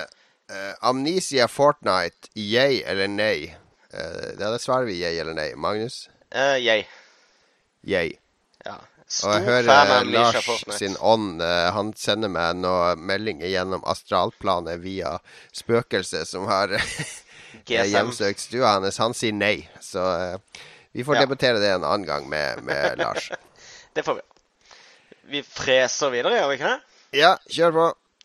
Foretrukken kontrollmetode for 2D, 2,5D plattformspill. Mus-tastatur, kun tastatur, gamepad. Gjerne drøft hvorfor. Og det var fra Ilifin. Ilifin. Beklager, Ilifin. Jeg glemte å si Eh, gamepad, selvsagt. Eh, jeg bruker gamepad eh, ofte på PC eh, til sånne type spill. Altså 2D, Mm. 2D-type hoppe og sprett. eh. Tesla-grad f.eks. brukte jeg gamepad til. Det var mye bedre å styre med det. Først så brukte jeg mus og tastatur, og så brukte jeg gamepad. Åssen gamepad bruker du? Jeg har den Xbox-gamepaden, Xbox 360-gamepaden, som er Ja. laga for Windows. Den bruker jeg også. Um, jeg husker da um, Grim Fandango og eh, Monkey Island da de, da Escape from Monkey Island Da de ble lansert, så var de veldig krøkete å kontrollere med tastatur. Og da var det noen Ja. som kom opp med ideen med å bruke gamepad på de spillene der, og da var de plutselig en sånn drøm å spille. Da funka liksom hele kontrollsystemet. Men de var egentlig ikke beregna engang på, på gamepad, så vidt jeg forsto. Men uh, definitivt. Definitivt gamepad. Secret Chest lurer på hva syns dere om adaptasjoner? Eller adapsjoner, det egentlig heter. Eh, ja. Ja.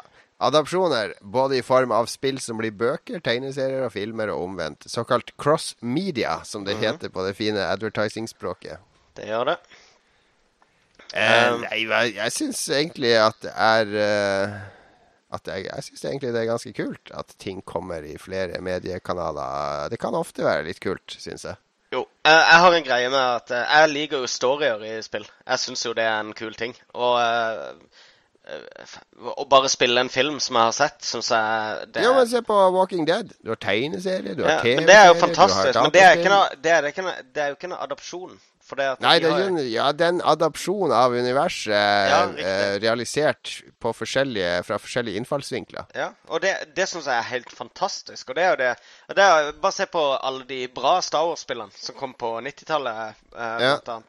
De også spilte jo videre på dette eh, filmuniverset uten at de liksom tok en, en story som allerede var fortalt. Dark Forces og Tie Fighter og disse her var jo dritbra. Og eh, ikke minst eh, Nights of the Old Republic. Eh, så akkurat det er jeg veldig fan av. Eh, å kunne liksom Sånn, nå har jeg sett filmen, nå vil jeg gå og oppleve universet. Det er en dritkul ting. Eh, spill til film eh, ikke sett så mange gode eksempler på det. Det er ikke så voldsomt mange gode eksempler på det, men jeg, jeg syns adaptasjoner, eh, bok til film, blir veldig ofte bra, ikke sant. Så det, det er jo Ja.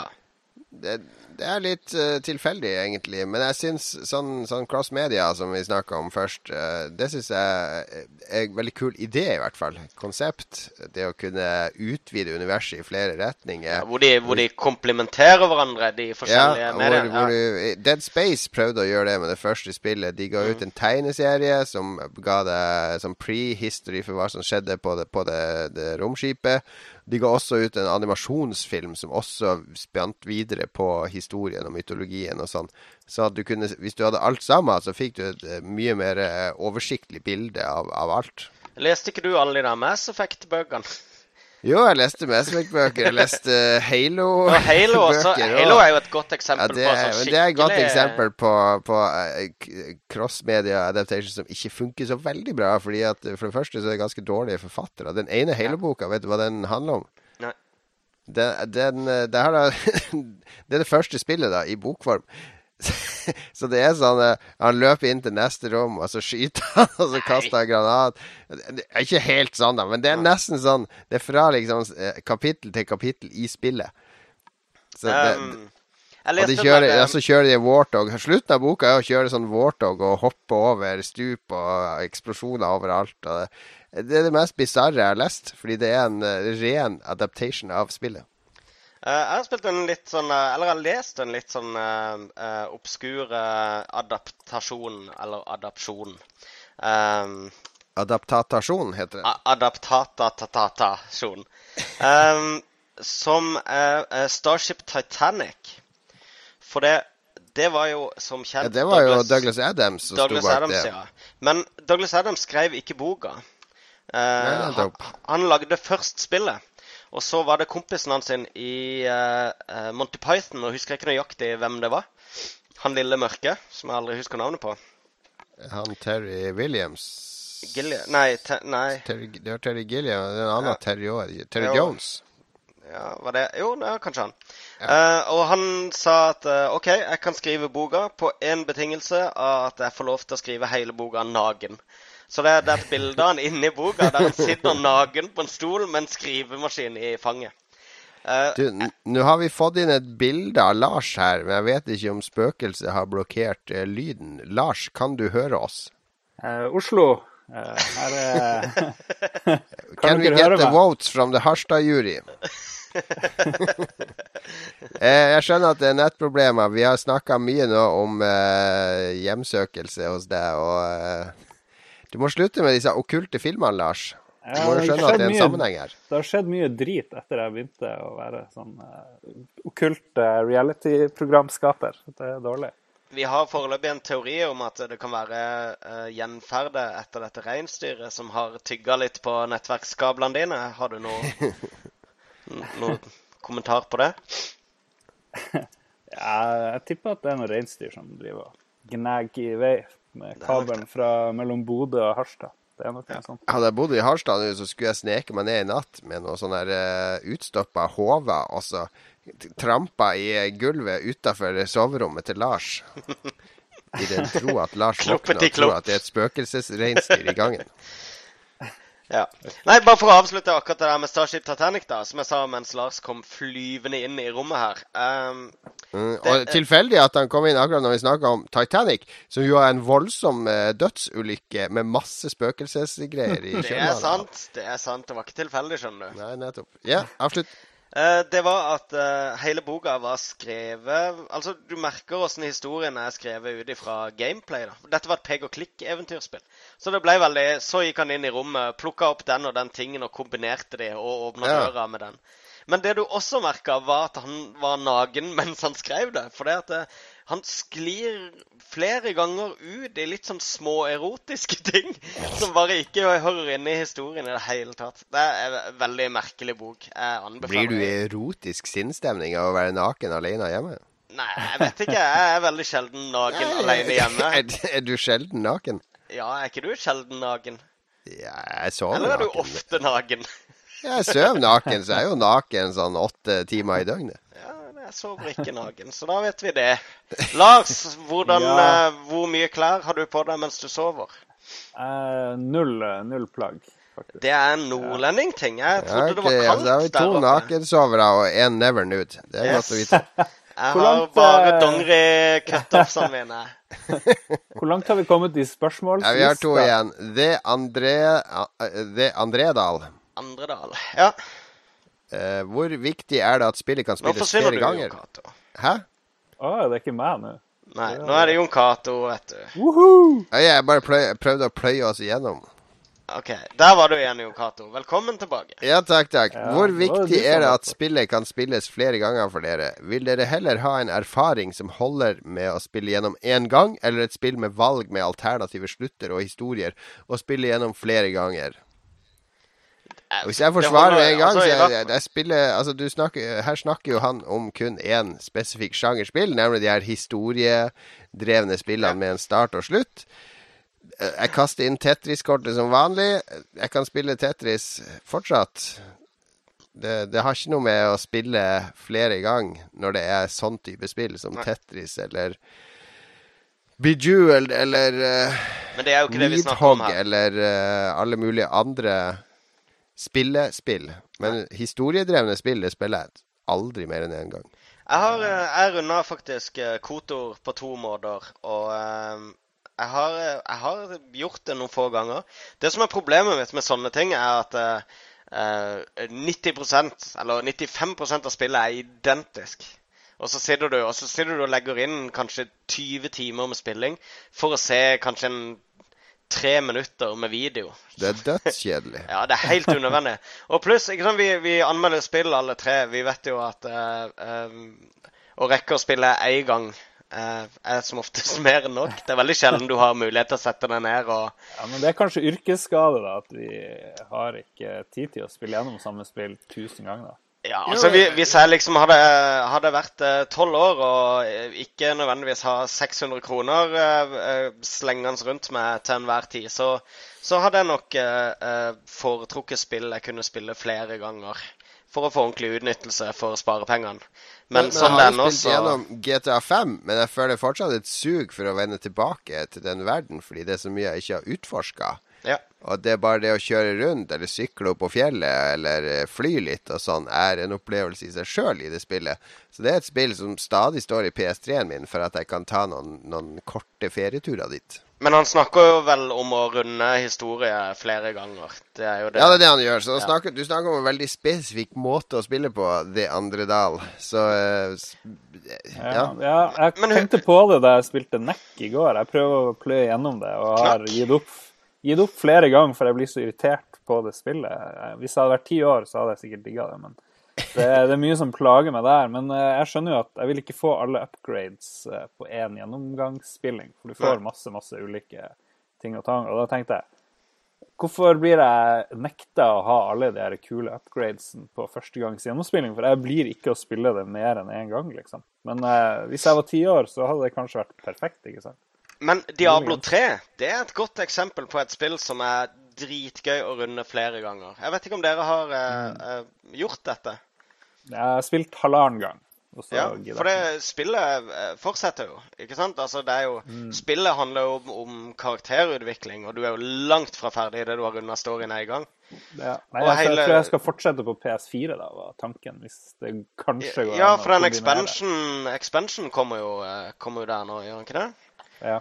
Det er PC og PS4 exclusive. All right. Yes. Siste spørsmål. Lars Christian Nomel, hva lurer han på? Han lurer på om vi snakka om TG14, The Gathering 14, og svaret er jo nei. Nei, vi snakka ikke om det. Nei. Ja, han vil vel at vi skal snakke om det, da. Skjønte det. Jesus. Her prøver vi å være tidseffektive, Jon Cato. Nå har du mast oss gjennom hele podkasten her, og så Er det noen av dere som har vært på eh, TG? aldri. nei. Jeg var i 99. Ja. Det er, det er gøy, det, da. Men uh, The Gathering 2014 har Vi kan tema snakke om det når det nærmer seg. Transylvania, står det her. Ja, nettopp. Eh, nei, det, jeg vet ikke hva vi skal snakke om. Det er jo eh, Ja, men vi kan cosplay vente med det til det nærmer seg TG, Ja. når vi vet hva som skjer der. sånn. Ja, vi kan ha eh, vi Vi lover en TG spesialsending. Ja, vi kan, Oh. dra, vi kan dra der til alle tre og, og dekke det live i, i tre dager. og bare drikke Vi kan prøve å energidrinker sette sånn verdensrekord i verdens lengste podkast. ja, Bare Sånn drikke, drikke sånn Live-podkast fra TG i fire døgn. Drikke Ja. energidrikker og sove i sovepose rundt PC-en og sånn. Det er Ja, men det, det er faktisk Vi må slå fra oss planen med en gang, for det er ikke lov med alkohol på TG. Altså det, vi kommer ikke til å overleve. Nei, vi kommer ikke inn da. Jeg drikker dere- kaffe i dag. Jeg, jeg skulle spørre hva dere sponser av. Jeg har Frydenlund Pale Ale, og det er siste gangen jeg kjøper det, for det var litt bæsj. Jeg har vanlig Frydenlund fat. Jeg drikker uh, kaffe og Solo, og, uh, og jeg er sponsa av SodaStream i dag. For jeg har sånn boblevann som jeg er så glad i. Oh, Sodastream. Det er fantastisk.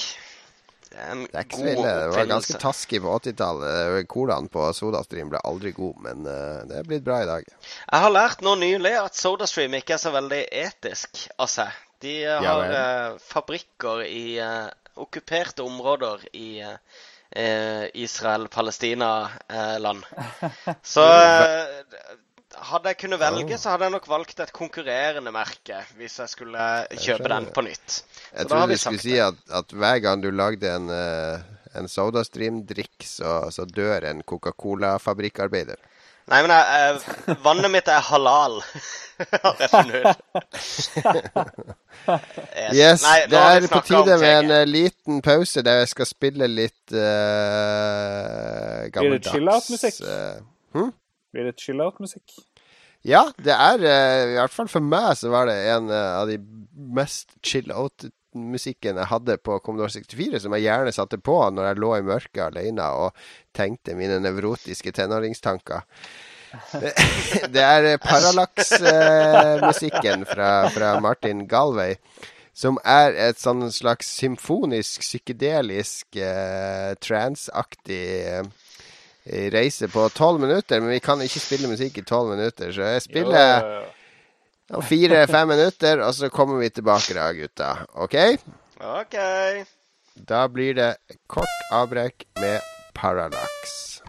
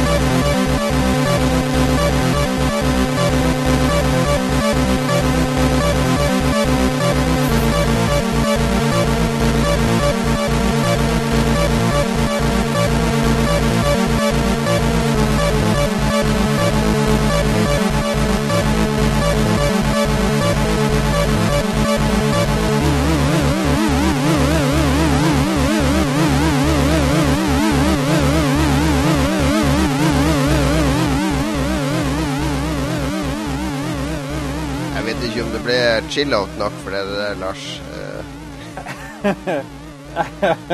Det vi får se, vi får se. Nei, ja. Det, det, Det er en veldig, veldig terapeutisk sang, da, syns jeg i hvert fall. Den er veldig um, uh, suggerende, er vel ordet. Tenåringsnevrosene dine ble uh, roa ned. Du mener at du runka litt mindre? Er det det det betyr? Uh, av den musikken her. Jeg skjønner det godt. Det var di, dine ord. Det, det ville ikke funka for meg, det her. Det er, den, det er en eh, fantastisk, eh, fantastisk sang. Den, eh, den hylles som en av de beste på Commodore 64. Og uh, Rein Overham, den nederlandske uh, musikeren som har spesialisert seg på å lage moderne versjoner av Commodore 64-sanger, har også laga en fantastisk moderne coverversjon av, av den sangen, som, som absolutt sjekkes ut, kan, må sjekkes ut. Jeg torde ikke å spille den her i dag, for da hadde det hengt med sånne copyright infringements fra YouTube. Men ja, vi kan la den gå litt i bakgrunnen. Er det for høyt? Nei da, det her er helt perfekt. Perfekt. Trenger litt ecstasy, da. Det er neste som mangler. Det er uh, Altså, det er uh, dine ord igjen. Du er veldig politisk korrekt i kveld. eh, Ja, vi er jo husker Jeg prøver å lære ungene hver dag at det du putter på internett, det får du aldri ta tilbake igjen. Så Ja, det var det. Jeg føler det er for seint å tenke på det nå. Point of no return for deg, Lars.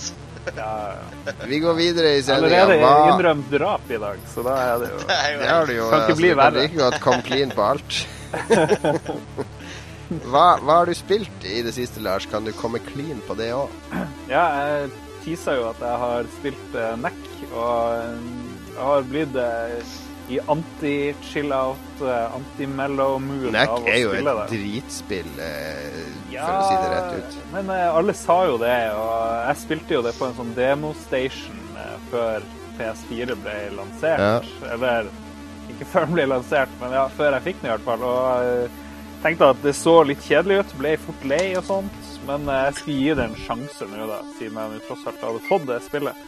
Jeg syns det begynte greit. Jeg likte historien ikke sant, med at du har et eh, monster, han er Neck, som eh, har ukjent opprinnelse. Han har Ja. kommet fra en sivilisasjon som, som ingen helt skjønner så mye av. Jeg tenkte at oi, det var litt kult, da. Syns mytologien er for så vidt grei. Syns jeg fremdeles. Men jeg har blitt så jækla Litt sånn Pixar-aktig i starten, føltes det, hele den historien. Sånn. Ja. Så, men så blir jeg så sinnssykt lei av at uh, spillet er litt cheap. da. Den tar enkle utveier. Jeg skjønner ikke hvordan det går an. For det er jo lagd av han der Mark Cerny, er jo produsent i sies det. Jeg begynner jo å tvile litt når jeg spiller gjennom det. For det er så lite variasjon, og det er så lite det er så lite gøy, ikke sant? Det blir sånn mer jobb å gå Han har nok bare hatt overoppsyn med det, vil jeg tro. Ja, men Hvorfor gidder han å putte navnet sitt på det? det For da selger de jo mer. Hvis, er det hvis selger mer hos de to prosentene som vet hvem han er. ikke sant? Så, Men du vet, han, eh, du vet hva Mark Cerny lagde på 80-tallet? Ja, han lagde polygon, Marble eh, Madness. Ja, nettopp. Marble Madness. Ja, så det, han kan jo lage spill. Ja, Men, men, det er jo, eh, det er jo hastverksarbeid, og det, det, det Ja, kjipe er jo jo at grafisk så er det jo ikke et hastverk. Jo, det er jo så kjedelig grafikk. Den er så livløs og, og, og døll. Ja, men det er level design det står på, egentlig. Det er der det står. Og det føles som et middelmådig PS1-spill i level-designet. Det, nei, det er, det er et møkkaspill. Ja, nei, jeg tenkte eh, de skulle ha kopiert mer det her eh, Crash Bandicoot som han var med og lagde, hvor det var variasjon hele tida. ikke sant? Plutselig Mm. måtte du gjøre det, og så måtte du gjøre det. og Det gikk mye fortere fordi det var lineært, sånn som det her òg. Du kunne bare gå en vei, men det gikk sinnssykt fort, ikke sant? så du ble ikke lei av det du blir lei av i NEC. Men Så, ja. men så er det jo det er ganske vanskelig òg, da. Det er et par hits fra fiendene, så er det tilbake Ja. til sånn sjekkpunkt. Og det er, jo, det er jo også sånn her helt bak mål, fordi det er jo et veldig barnevennlig spill. Og ungene mine har jo ikke sjans til å spille NEC, fordi det er jo dritvanskelig. Jeg spilte på normal og syntes det var sinnssykt vanskelig. Jeg gjorde jo det. Jeg likte jo at det var litt vanskelig først, men så blir jeg bare mer og mer irritert, for det føles cheap ass, hele greia. Du får du noen trophies du kan trøste deg med. Jeg bryr meg ikke om trophies. Magnus han spurte jo her eh, på, eh, på Facebook tidligere i dag om eh, Han skulle låne litt PS4-spill hos meg, så det er ikke alt som kan lånes. Men Mac er definitivt i den utlånsbunken, Magnus. Jeg legger Hvorfor det er det ikke alt som kan lånes? Hæ? Hvorfor er det ikke alt som kan lånes? Nei, noen ting har jeg bare digitalt. Det er sånn. Ja. Um, Yes. ja. Hva har du Eh, spilt for noe, da, Magnus? Jeg har vært uh, syk den siste uka. Og når Oi. jeg er syk, så har jeg veldig lyst til å spille veldig mye rare spill. Og så, så er jeg bare ikke motivert. Uh, og jeg blir veldig lett rastløs og, og utålmodig. da. Så jeg ender opp med å ikke spille. Jeg begynner på masse spill, og så gir jeg meg etter en halvtime. Så går jeg og gjør noe annet. Så jeg har basically uh, eh, tatt vårrengjøringa litt tidlig i år, og jeg pakka ned Få bort seks- musikken! Jeg pakka ned seks Ja, men, kartonger. Lars, den tonen der var Den tonen der var i 1 minutt og 40 Hei, er ikke dette chill-out? Jesus Christ. Nei, nå må jeg bestille Hitman her. Ingen tvil. OK, OK, jeg skal ta den bort. Ja, Nei, jeg, jeg har pakka ned seks, eller var det syv, eh, sånne Ikea-kasser med film og uh, spill. Eh, og eh, lagt ned på boden. Så nå har jeg forberedt meg litt på neste generasjon. Og uh, Hvorfor har du lagt det på boden? Hvorfor har du ikke gitt det bort eller solgt det? eller et eller jeg, annet? jeg har en sånn Jeg vet ikke. Jeg, du får ikke solgt det. Får Du, du sånn. liker å ha full bil når du skal flytte? Eh, jeg Så at du elsker kan plassere det i boden i den neste leiligheten du flytter inn i? Ja, egentlig. Men jeg, He helt siden jeg solgte den der World of Warcraften min for hva, 12 000, så har jeg, føler jeg kan Jo, rettferdiggjøre det, nei, men jeg, jeg, jeg, jeg spør fordi jeg er i samme situasjon nå. Jeg driver og Ja. pakker ned DVD-er, og jeg gir bort 90% av DVD-ene. Filmen min gir jeg, gir gjerne bort DVD-en min, og det har jeg tilbudt. Men, eh, og jeg ser folk på Facebook daglig som prøver å gi vekk filmsamlinga si. Eh, Jo, loppemarked. Loppemarked. Ja, Da er- støtter du en god sak. jo, men du har også sykehus, har jeg hørt, eh, ta det imot. Og eh, Ja, men det står alltid i starten på filmer at det er ikke lov å vise på offentlige steder som Ja, sykehus og oljeplattformer og sånn. Så det, de er takker nei. Fengsler, vil til ikke og med. risikere å havne i fengsel. Nei, og, Men, og ikke men ikke kunne se filmen der heller. Hvor ofte har ikke jeg angra på at jeg ga bort en uh, spillkonsoll eller en, et spill? ikke? Ja, jeg gir ikke, vet du. Ja, spill gir jeg ikke bort, men filmer har ingen verdi Nei. lenger for meg. Men- ikke etter Netflix og sånn kom. Da, og etter jeg fikk unger også, da, spesielt. Men den hylla bak meg, det er nå hele min uh, uh, altså offentlige spill- og filmsamling. Det er nå redusert til ei sånn hylle. I et par lag, da. Men det er, det, for meg så er det ganske grovt. Um, men det, det verste var egentlig å pakke ned CD-samlinga, syns jeg. Det var, det var emosjonelt og vemodig, syns jeg. Det er CD-er jeg har personlig forhold til. Ja, ja, du ja, men du har ikke noe forhold til fysiske produkter. Men det jeg tenkte, siden jeg egentlig da ikke har spilt noe særlig spill i det siste, så tenkte jeg kunne heller bruke den tida på å spørre dere hva jeg burde kjøpe. For jeg skal kjøpe ett spill online på både Xbox One og på PlayStation. Og hvilke spill er det jeg bør kjøpe, da? Ja, på PlayStation så er det jo eh, har, Du har Play, PlayStation Plus. Jeg, jeg skal Ja, da abonnerer ja. du på PlayStation Ja. Plus, for da får du Don't Starve og Resogun og uh, Outlast gratis. Outlast uh, har jeg kikka litt på. Jeg er litt for pinglete til sånn. Jo, jo, men Resogun er Ja. kult, og Don't Starve er artig nok. Og du får jo et nytt spill gratis hver måned, så det er ikke noe grunn til å ikke ha PlayStation Plus. Nei. tingene, tingen er, jeg skal ned og snakke med Nordisk Film nå eh, eh, med tanke på quiz og sånn, så jeg, jeg venter med å signe opp foreløpig. Hvis du skal kjøpe et full, fullprisspill på, Ja. eh, på PlayStation 4 som du ikke klarer å få tak i via dine vanlige kanaler, så kan du jo gå for Thief, f.eks. Er Nei Er ikke det superskuffende, da? Nei, jeg syns det er greit. Det er, eh, det, er, det, det er mye skuffende ting i det som kunne vært mye bedre, men jeg blir likevel sittende og spille det. Altså, Ja, altså- Nå går vi over i min, de spillene jeg har spilt i det siste. Ja, men det Problemet går jo på at det ikke er så mye Problemet er jo at det er ikke så mye å anbefale egentlig der. De, de jeg har likt best på PS4 for meg, da, det er jo uh, Tomb Raider, selv om jeg hadde spilt det Ja, men det har jeg runda 100% ja, og Assassin's Creed, det siste. Jeg jeg liker ikke Assassin's Creed. Ja, nei, altså da har jeg ingenting å anbefale, egentlig. Nei. Da vil jeg anbefale Thief. Altså, det er terningkast fire hos meg, fordi Ja. det, er, det, er, det er et bra spill som egentlig ikke Det er hele tida jeg sitter og tenker at det her er ikke så bra, men allikevel så, så har jeg lyst til å spille videre. Og det er ikke pga. historien heller. Det er, det er en, de har fått til den snikinga og den movementen til, til Gareth veldig bra. Jeg har, Så det jeg har lest eh, av anmeldelser, så syns jeg det virker som folk anmelder eh, Anmelder du ut ifra at det er Thief-spill? Ja, mange anmelder det ut ifra hva Thief var for Ja. ti år siden. Hva de forventer av hva, hva spillet skal være, ifølge de sine eh, de sier liste over forventninger, da, eller hva serien Ja. har vært før. Men eh, spillet i seg sjøl har jeg lest veldig lite om, egentlig.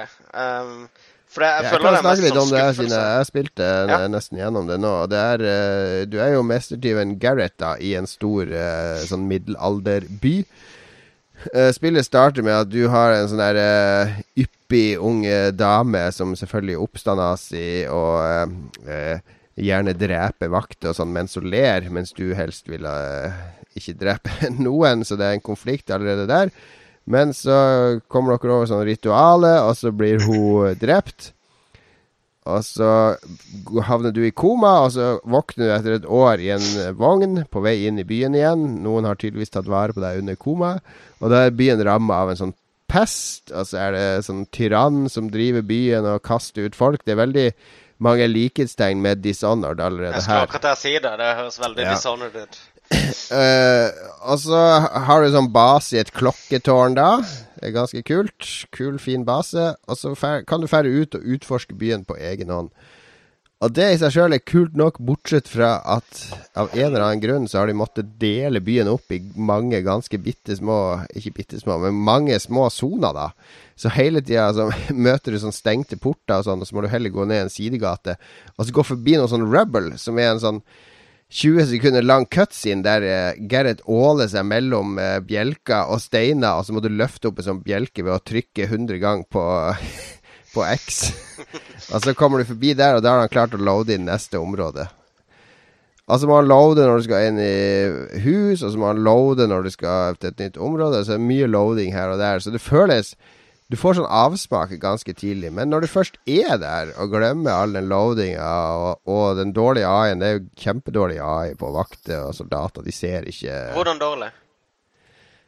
De går helt sånne der faste ruter, og de reagerer på lyder. Det er litt sånn som det alltid har vært i sånne steltspill, bare at det føles enda dårligere. Fordi det, det kan ligge Du kan gjøre ting som, som fucker opp, og så får du ikke mistanker likevel.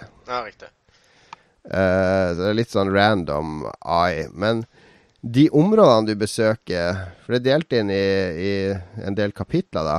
Og de områdene du, du besøker, er veldig kule, da. Det, det er et bordell her òg, akkurat som i Dishonored, men et bordell i Dishonored er mye kulere. Men det er en svær sånn fabrikk eh, der de, de, de ribber døde mennesker for verdigjenstander før de uh, kjører de i, i Før de brenner de opp. Eh, og de er utrolig detaljerte og stemningsfulle og kule å utforske, da. Så, så eh, det, er, det er litt sånn spill der du blir litt sånn oppgitt over at de ikke har klart å dra det, det hele i land. Det er masse sånn småelementer som gjør at du smatter litt, men sånn helhetlig så er det, det er et solid spill. Ja. Uh, og det representerer mange av styrkene på PS4. Ja, Eh, absolutt. Det, er, ja. føles veldig naturlig på PS4. Det er utrolig irriterende. da. Du vet, den håndkontrollen har jo sånn blått lys foran. Ja. Og det har de eh, geniene som har laga Thiefen ut at hver gang Gareth går inn i lys, at du går ut av mørket, så lyser den sånn skarpt hvitt fra håndkontrollen. da. Ah, ja. hm. det, det irriterer meg, for jeg sitter gjerne med beina oppå bordet og sånn, og håndkontrollen Ja, så- i, uh, liggende nede i fanget. Så plutselig så lyser buksa mi opp når, når jeg kommer ut i det, funker jo for så vidt, men i starten så irriterte det meg skikkelig, for jeg sitter i sånn mørkt rom, og sånn, og så plutselig kommer det lys i rommet mitt. Jeg merker at eh, Og det merka jeg bare når jeg satte opp uh, konsollen i stad, er at eh, det blå lyset gir gjenskinn i skjermen min.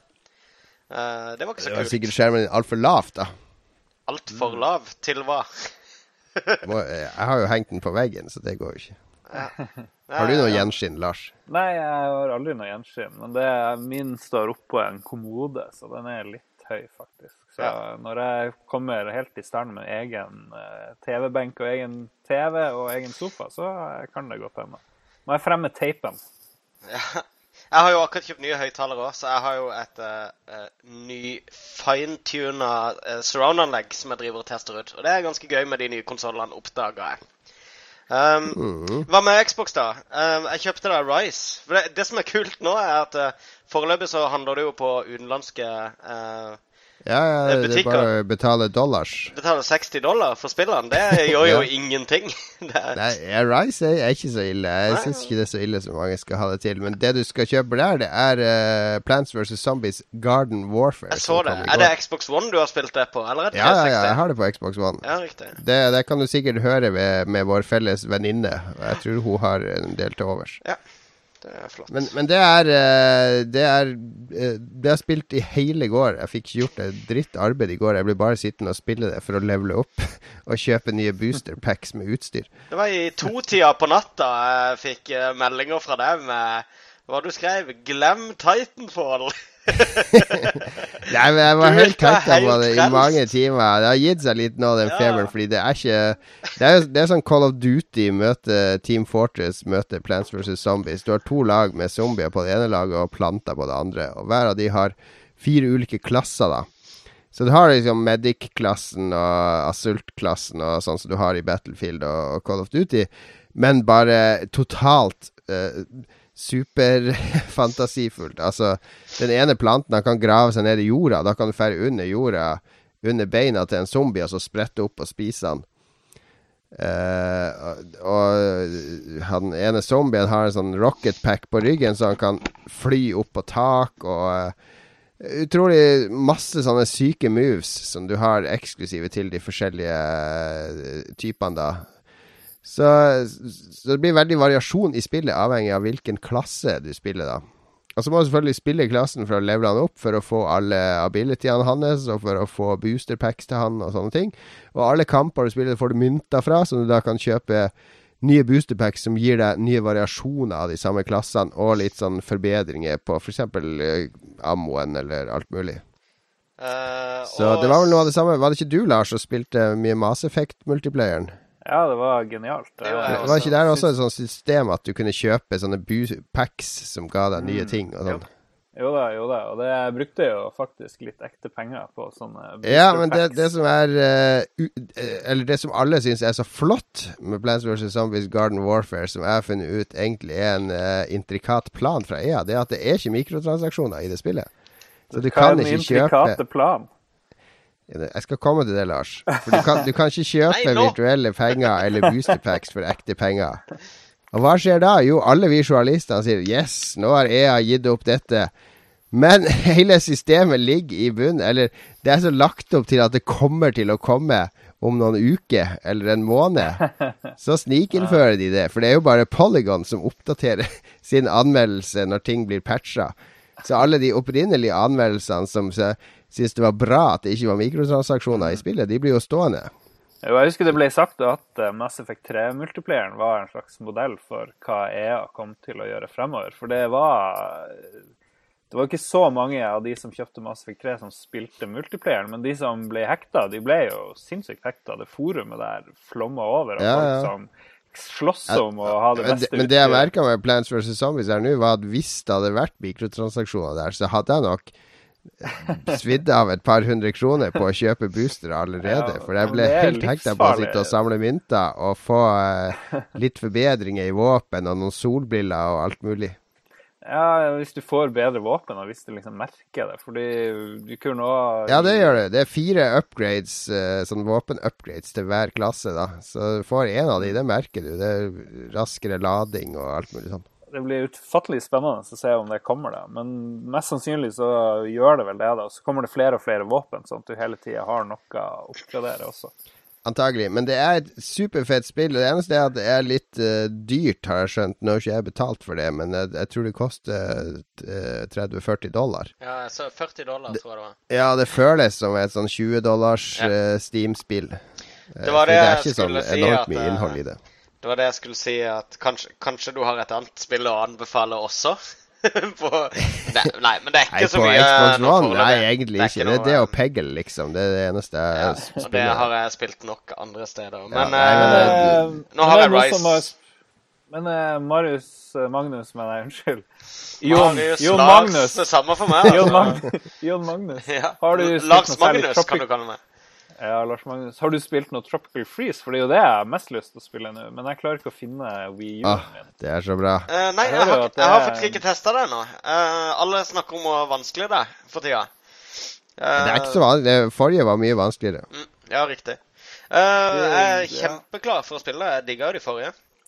Nettet sier at det er bedre enn alle Mario-spillene på Wii U, så det er Ja, det er knallbra. Det Er er det bedre, bedre, Men er det vet, vet du bedre hva enn som er Super morsomt? Mario 3D World? World. Er det bedre enn det?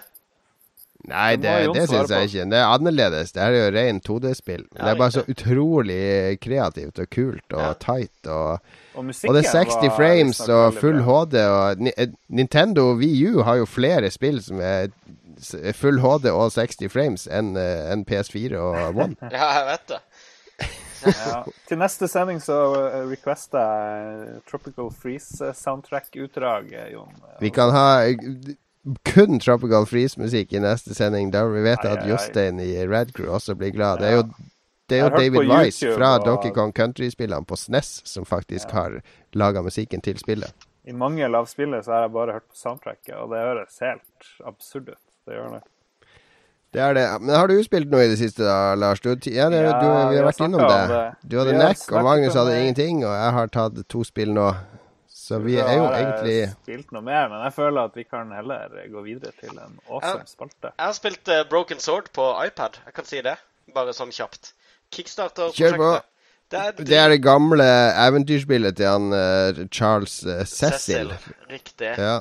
Pek og klikk. Det er dritbra. Det er en episodebasert, da. Eh, men det er det, det, det føles akkurat som de to første, i hvert fall. Og Men vel, det her er nytt et. Det er ikke bare iPad-versjon av det første Nei, dette er et kickstarter-prosjekt fra Revolution Software, som Ja, okay, det opprinnelige. ja. Så de har laget et helt nytt spill. Eh, episode Det er i samme stil som før, med sånn tegnefilmgrafikk. Og... Ja.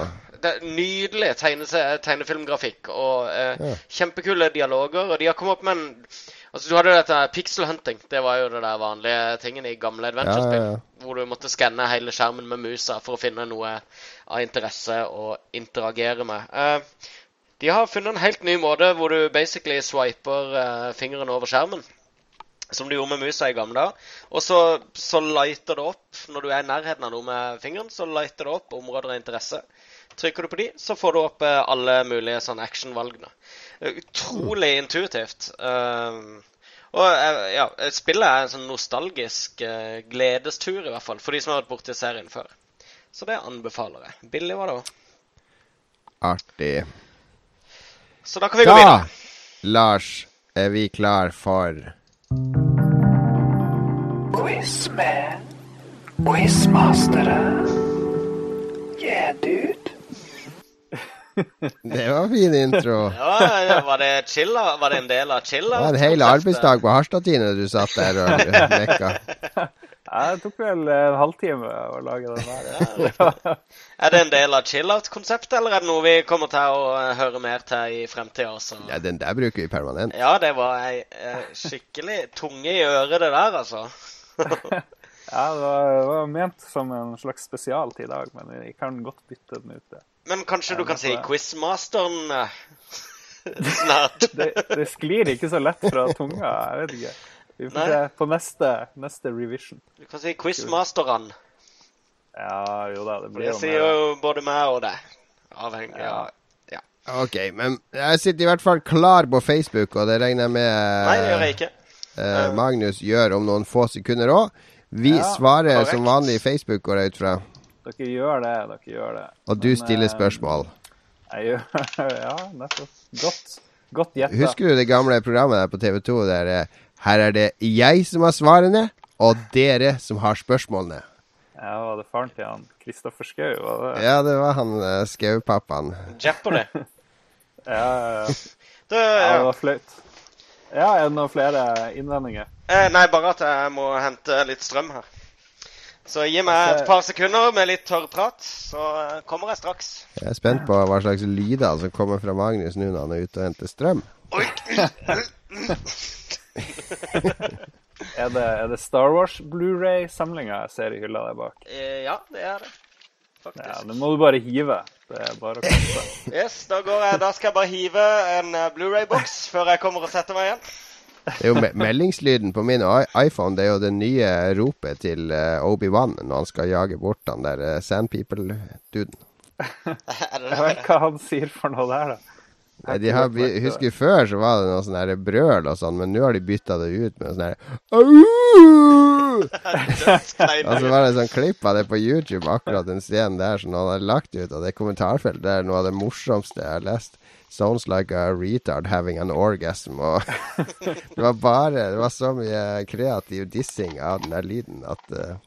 Det er bare én av mange grunner til å hive den der Blu-ray-samlinga der. Men det får bli Det er en egen podkast hvorfor vi hater nye Star Wars. I hvert fall noen av oss. Ja, Kanskje ikke mange. Ja, det kan bli en interessant uh, Ai, samtale. ai, ai. Da begynner vi med quiz. Quiz.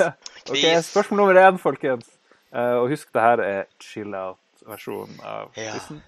Så må dere eh, skrive med, med følelser. Spørsmål Skriv sakte. nummer én. Eh, en av de store chill-favorittene er jo Flower, som er på både Vita og PS4 og PS3. Hvilket år kom det spillet på markedet første gang? Det kom selvfølgelig til PS4 i eh, fjor slash i år, for de som eventuelt kjøpte Du med de årstallene dine. Det er de det- verste, dummeste spørsmålene jeg vet. Idiotisk. Ja, men det er viktig. Viktig å ha Det er ikke årstall. viktig å huske hvilke år ting skjedde. Jo, det er jo det. Skal vi se. Og eh, hva svarer Magnus? 2011. 2011 Jeg svarte det samme. Flott gjett. Og eh, du svarer det samme. Jeg har 2009. Kan jeg være rett? Det hørtes jo veldig rart ut. Ja, Tar dere er så feil? Jeg begynte, å, jeg, begynte å, jeg begynte å tvile. Nei, men det er 2009, altså. Ja, jeg har ikke Februar 2009. Ja. Jeg har aldri trodd jeg tok feil, men at dere kunne ta så feil, det var vel kanskje det som var overraskelsen. Chill out, dude. Kjør videre. Chill out, ja. Ok, jeg skal bare notere null på begge to. Spørsmål nummer to. Jeff Minter er kjent for sitt lange hår og sine merkelige, men eh, avslappende spill. Hva heter selskapet han gir ut spill på?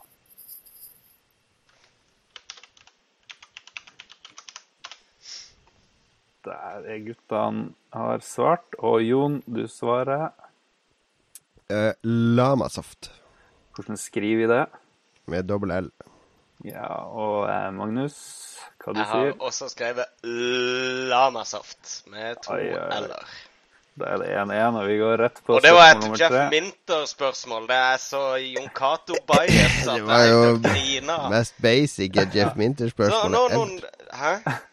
Ja, det var, det var basic. Det var, det var, det var greit. Skal vi se. Spørsmål nummer tre. Max Payne er ikke et chill-out-spill, men hovedpersonen er definitivt speisa.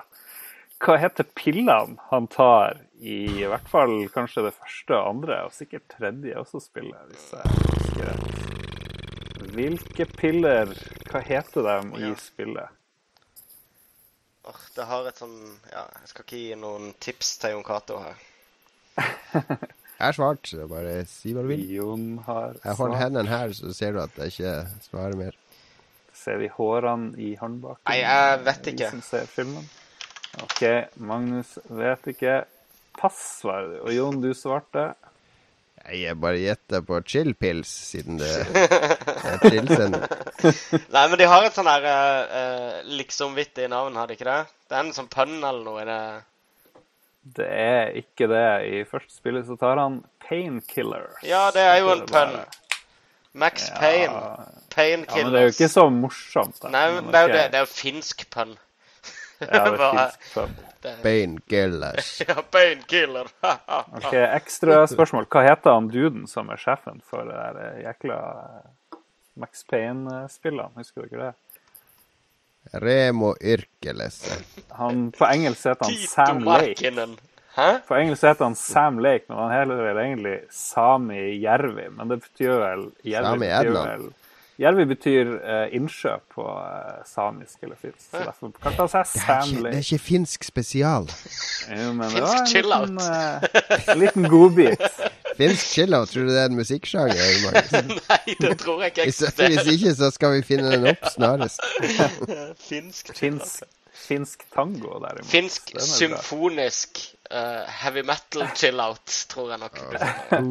Ja. Off, la, oss, la oss glemme Men er vi ferdige, eller driver du og leter desperat etter flere ekstraspørsmål? De, Nei, jeg vet på eh, dere skal slutte å tulle. de chiller jo veldig vi, i vi, chiller, badstua. vi chiller, vi tuller ikke, Lars. Vi chiller. Vi chiller. bare. Jo, men så begynner, begynner du å mase om det. Nei, vi chiller. Da sitter man og fniser av! tuller. Slapp av! Jeg slapper av. den her chill-greia har gått rett i dass, føler jeg egentlig. Det er min oppsummering. Det er ingen av oss som er i stand til å chille. Hvem skulle ant at det kom til å snu seg mot deg? Det var verdt et forsøk. You created a monster. Ja. Ok, vi, eh, vi går tilbake i chill-modus i chill-quizen. Spørsmål nummer fire. Animal Crossing. Hvor mye penger får du fra en vanlig frukt, altså ikke en tropisk frukt eller en sånn frukt du får inn i en annen by og selger, men de som vokser mest av i byen din? Hvor mange penger får du fra en standardfrukt i Animal Crossing New Leaf? Eh, Der har vi to veldig forskjellige svar. Jo. Eh, jeg er Hva 300, du hvis jeg tror jeg husker rett, kanskje. OK. Og Magnus sier Fem. 5 mot 300. Det var spennende. Det, Det er jo tror- 60-gangen. ja, jeg kan røpe at du får 300 for en tropisk eh, Ja, ikke sant? Her på eh, ferie. Ja. Du får 100 for en vanlig. 100? Da var jeg 100. nærmest. Ja, men det Det har ikke noe å si. Å ja, var det ikke sånn, nei? Ja, riktig. OK. Null poeng til hver. Var det bare se- 100, altså? Ja, i hvert fall i den utgaven jeg sjekka på. Nå skal vi Nå tar vi uh, Hvor mye får du blir- i denne blir utgaven jeg har sjekka? Jo, men jeg, vi, vi sier at jeg har helt rett. Det gjør vi. Så, Og vi går videre. Uh, vi går videre til siste spørsmål, og det er fremdeles 1-1. Så eh, det her kan bli avgjørende. Angry Birds, avslutningsspillet Angry Birds, har skapt mange bøker i tillegg til mange spill. Hvor mange bøker av de her jeg nå skal lese opp, det er tre stykk, er faktisk gitt ut? Første jeg sier er National Geographics Angry Bird Space, A Furious Flight into the Final Frontier. Var det ei bok? Det er ei bok. Si, si det en gang til. National Geographic's Angry Bird Space, A Furious Flight into the Final Frontier. Er det en ekte? I så fall må dere huske det. Er bok nummer to National Geographic Angry Birds 50 True Stories of the Fed Up, Feathered and Furious. Er den en ekte bok? Og er bok nummer tre også, eller ikke, en ekte bok? National Geographic Angry Bird Star Wars, May the Wings Be With You. Så her har dere tre, og i hvert fall noen bøker er gitt ut, for å si det sånn. Så svaret er ikke null.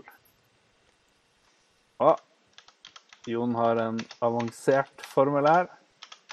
Ja, Vi bruker å ha sånn sann og usann på vår quiz, som for øvrig er førstkommende tirsdag på Tilt i Oslo, for alle som måtte lytte på dette.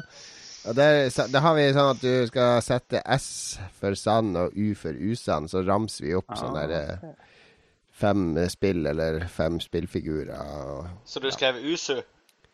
Jeg skrev, eh, jeg skrev om det var sant eller usant, i tre, da. Ja. Da Jeg skulle bare ha antallet som var sant. ja, så du skrev ja, dere, USU? får, eh, dere får ett poeng her for hver bok som er sann. Skal vi se. Jon, du kan røpe hva du tror. Jeg tror de Eh. to første var sanne, og den siste var bare tull. Den siste, May the Wings blir Video Tull, eh, og de to andre var sann. Og Magnus, Jeg du tror tror bare nummer to var sann. 50 True Stories of the Fed Up, Feather and Furious. Det Jeg rette så- er Hæ? at Det rette er at bok nummer én, eh, Angry Birds Space-boka, er sann. Bok nummer to, 50 True Stories, er sann. Og bok nummer tre, Star Wars May the Wings Video, er usann. Jon Cato er vinneren! Åh, det var tight. Tilbake til normalen. Gratulerer. Tusen takk. Da er du friskmeldt. Da er du ikke et det fjols denne uka. Jeg ser det, det har jeg igjen for å lese alle de spillbøkene. Ja, jeg, Jeg jeg, visste, jeg visste ikke at det var bøker til det. Jeg så den ene boka så jeg i bokhandelen nå for to uker siden. Så det, jeg visste om den ene. Men hva er den greia med ut i verdensrommet-greia? Hva er det for en bok? Eh, Angry Birds Angry Birds Space foregår i verdensrommet. A Furious Flight into the Final Frontier. Du store, Det er, Du store Ja. alpakka. det er virkelig en alpakka. Ja, nei, det var en uh, verdig, uh, verdig vinner, om jeg får si det sjøl. Det er stort sett du som sier det når, når du vinner. Ja, og denne gangen så er jeg ikke Så føler jeg jeg kunne Jeg tapte med heva hode, for en gangs skyld. Du har jo vunnet de siste gangene, har du ikke det? Ja da, du, jeg tror du leder hvis vi skal summere opp duellene mellom meg og Jeg tror det er 2-2, hvis ikke jeg tar feil. Kanskje. Vi kan uh, Lars får gå tilbake i quizene og se. Ja. Mm, ja, Quizmasteren. blir. Ja, det er bare å glemme. Ja, for det er chill-out-sending, så da er vi for late til å gjøre noe som helst. Yes. Jeg tror vi til og med er for late til å kjøre retrospalten i dag, gutta. Ja, det Fordi det. vi begynner å få en sånn lengde på programmet at jeg må dekomprimere lyden så mye at denne Vi skal, vi skal jo prøve på noe sånn high def-lyd uh, i, i lydpodkasten denne gangen. Vi får se om det går. Jeg har snart 200 megabyte i opptak her. På lyd alene. Ja, nettopp. Det er ikke så mye, da, er det det? Etter to og en halv time? Ja, komprimert så blir det vel her under 100 megabyte, kanskje. Jeg vet ikke. Da må du huske, Jon, å redigere bort eh, Lars som roper 'hallo'. Hallo, kan dere høre meg? Hallo! Jeg redigerer det bort minst mulig for det å sitte i Audacity og zoome inn og ut på sånn eh, to og en halv time lang lydfil for å finne akkurat det punktet der Lars raper. Så da kommer vi til å, kommer vi til å bli overdøva av, av sånn her meningsløs roping gjennom hele Så det er greit. Produsenten vår. Jeg har lest opp fra Bibelen da jeg var borte, for å ha noe å gjøre. Det kan bli et lite problem, men eh, det blir spennende for lytterne. Ja, ja det, det stemmer jo. Jeg må jo redigere bort det. Herregud. Åh, tenk å lage så mye arver for meg sjøl. Jeg som skal på Bylarm i morgen. Er det, skal du på Bylarm, eh, Magnus? Det er en viss mulighet for det. Jeg har ikke helt eh, bestemt meg nå. Jeg skal på de seminarene, da, ikke på all moroa. Ja, det skal ikke jeg. Men eh, det er mulig med Silje eh, stikker.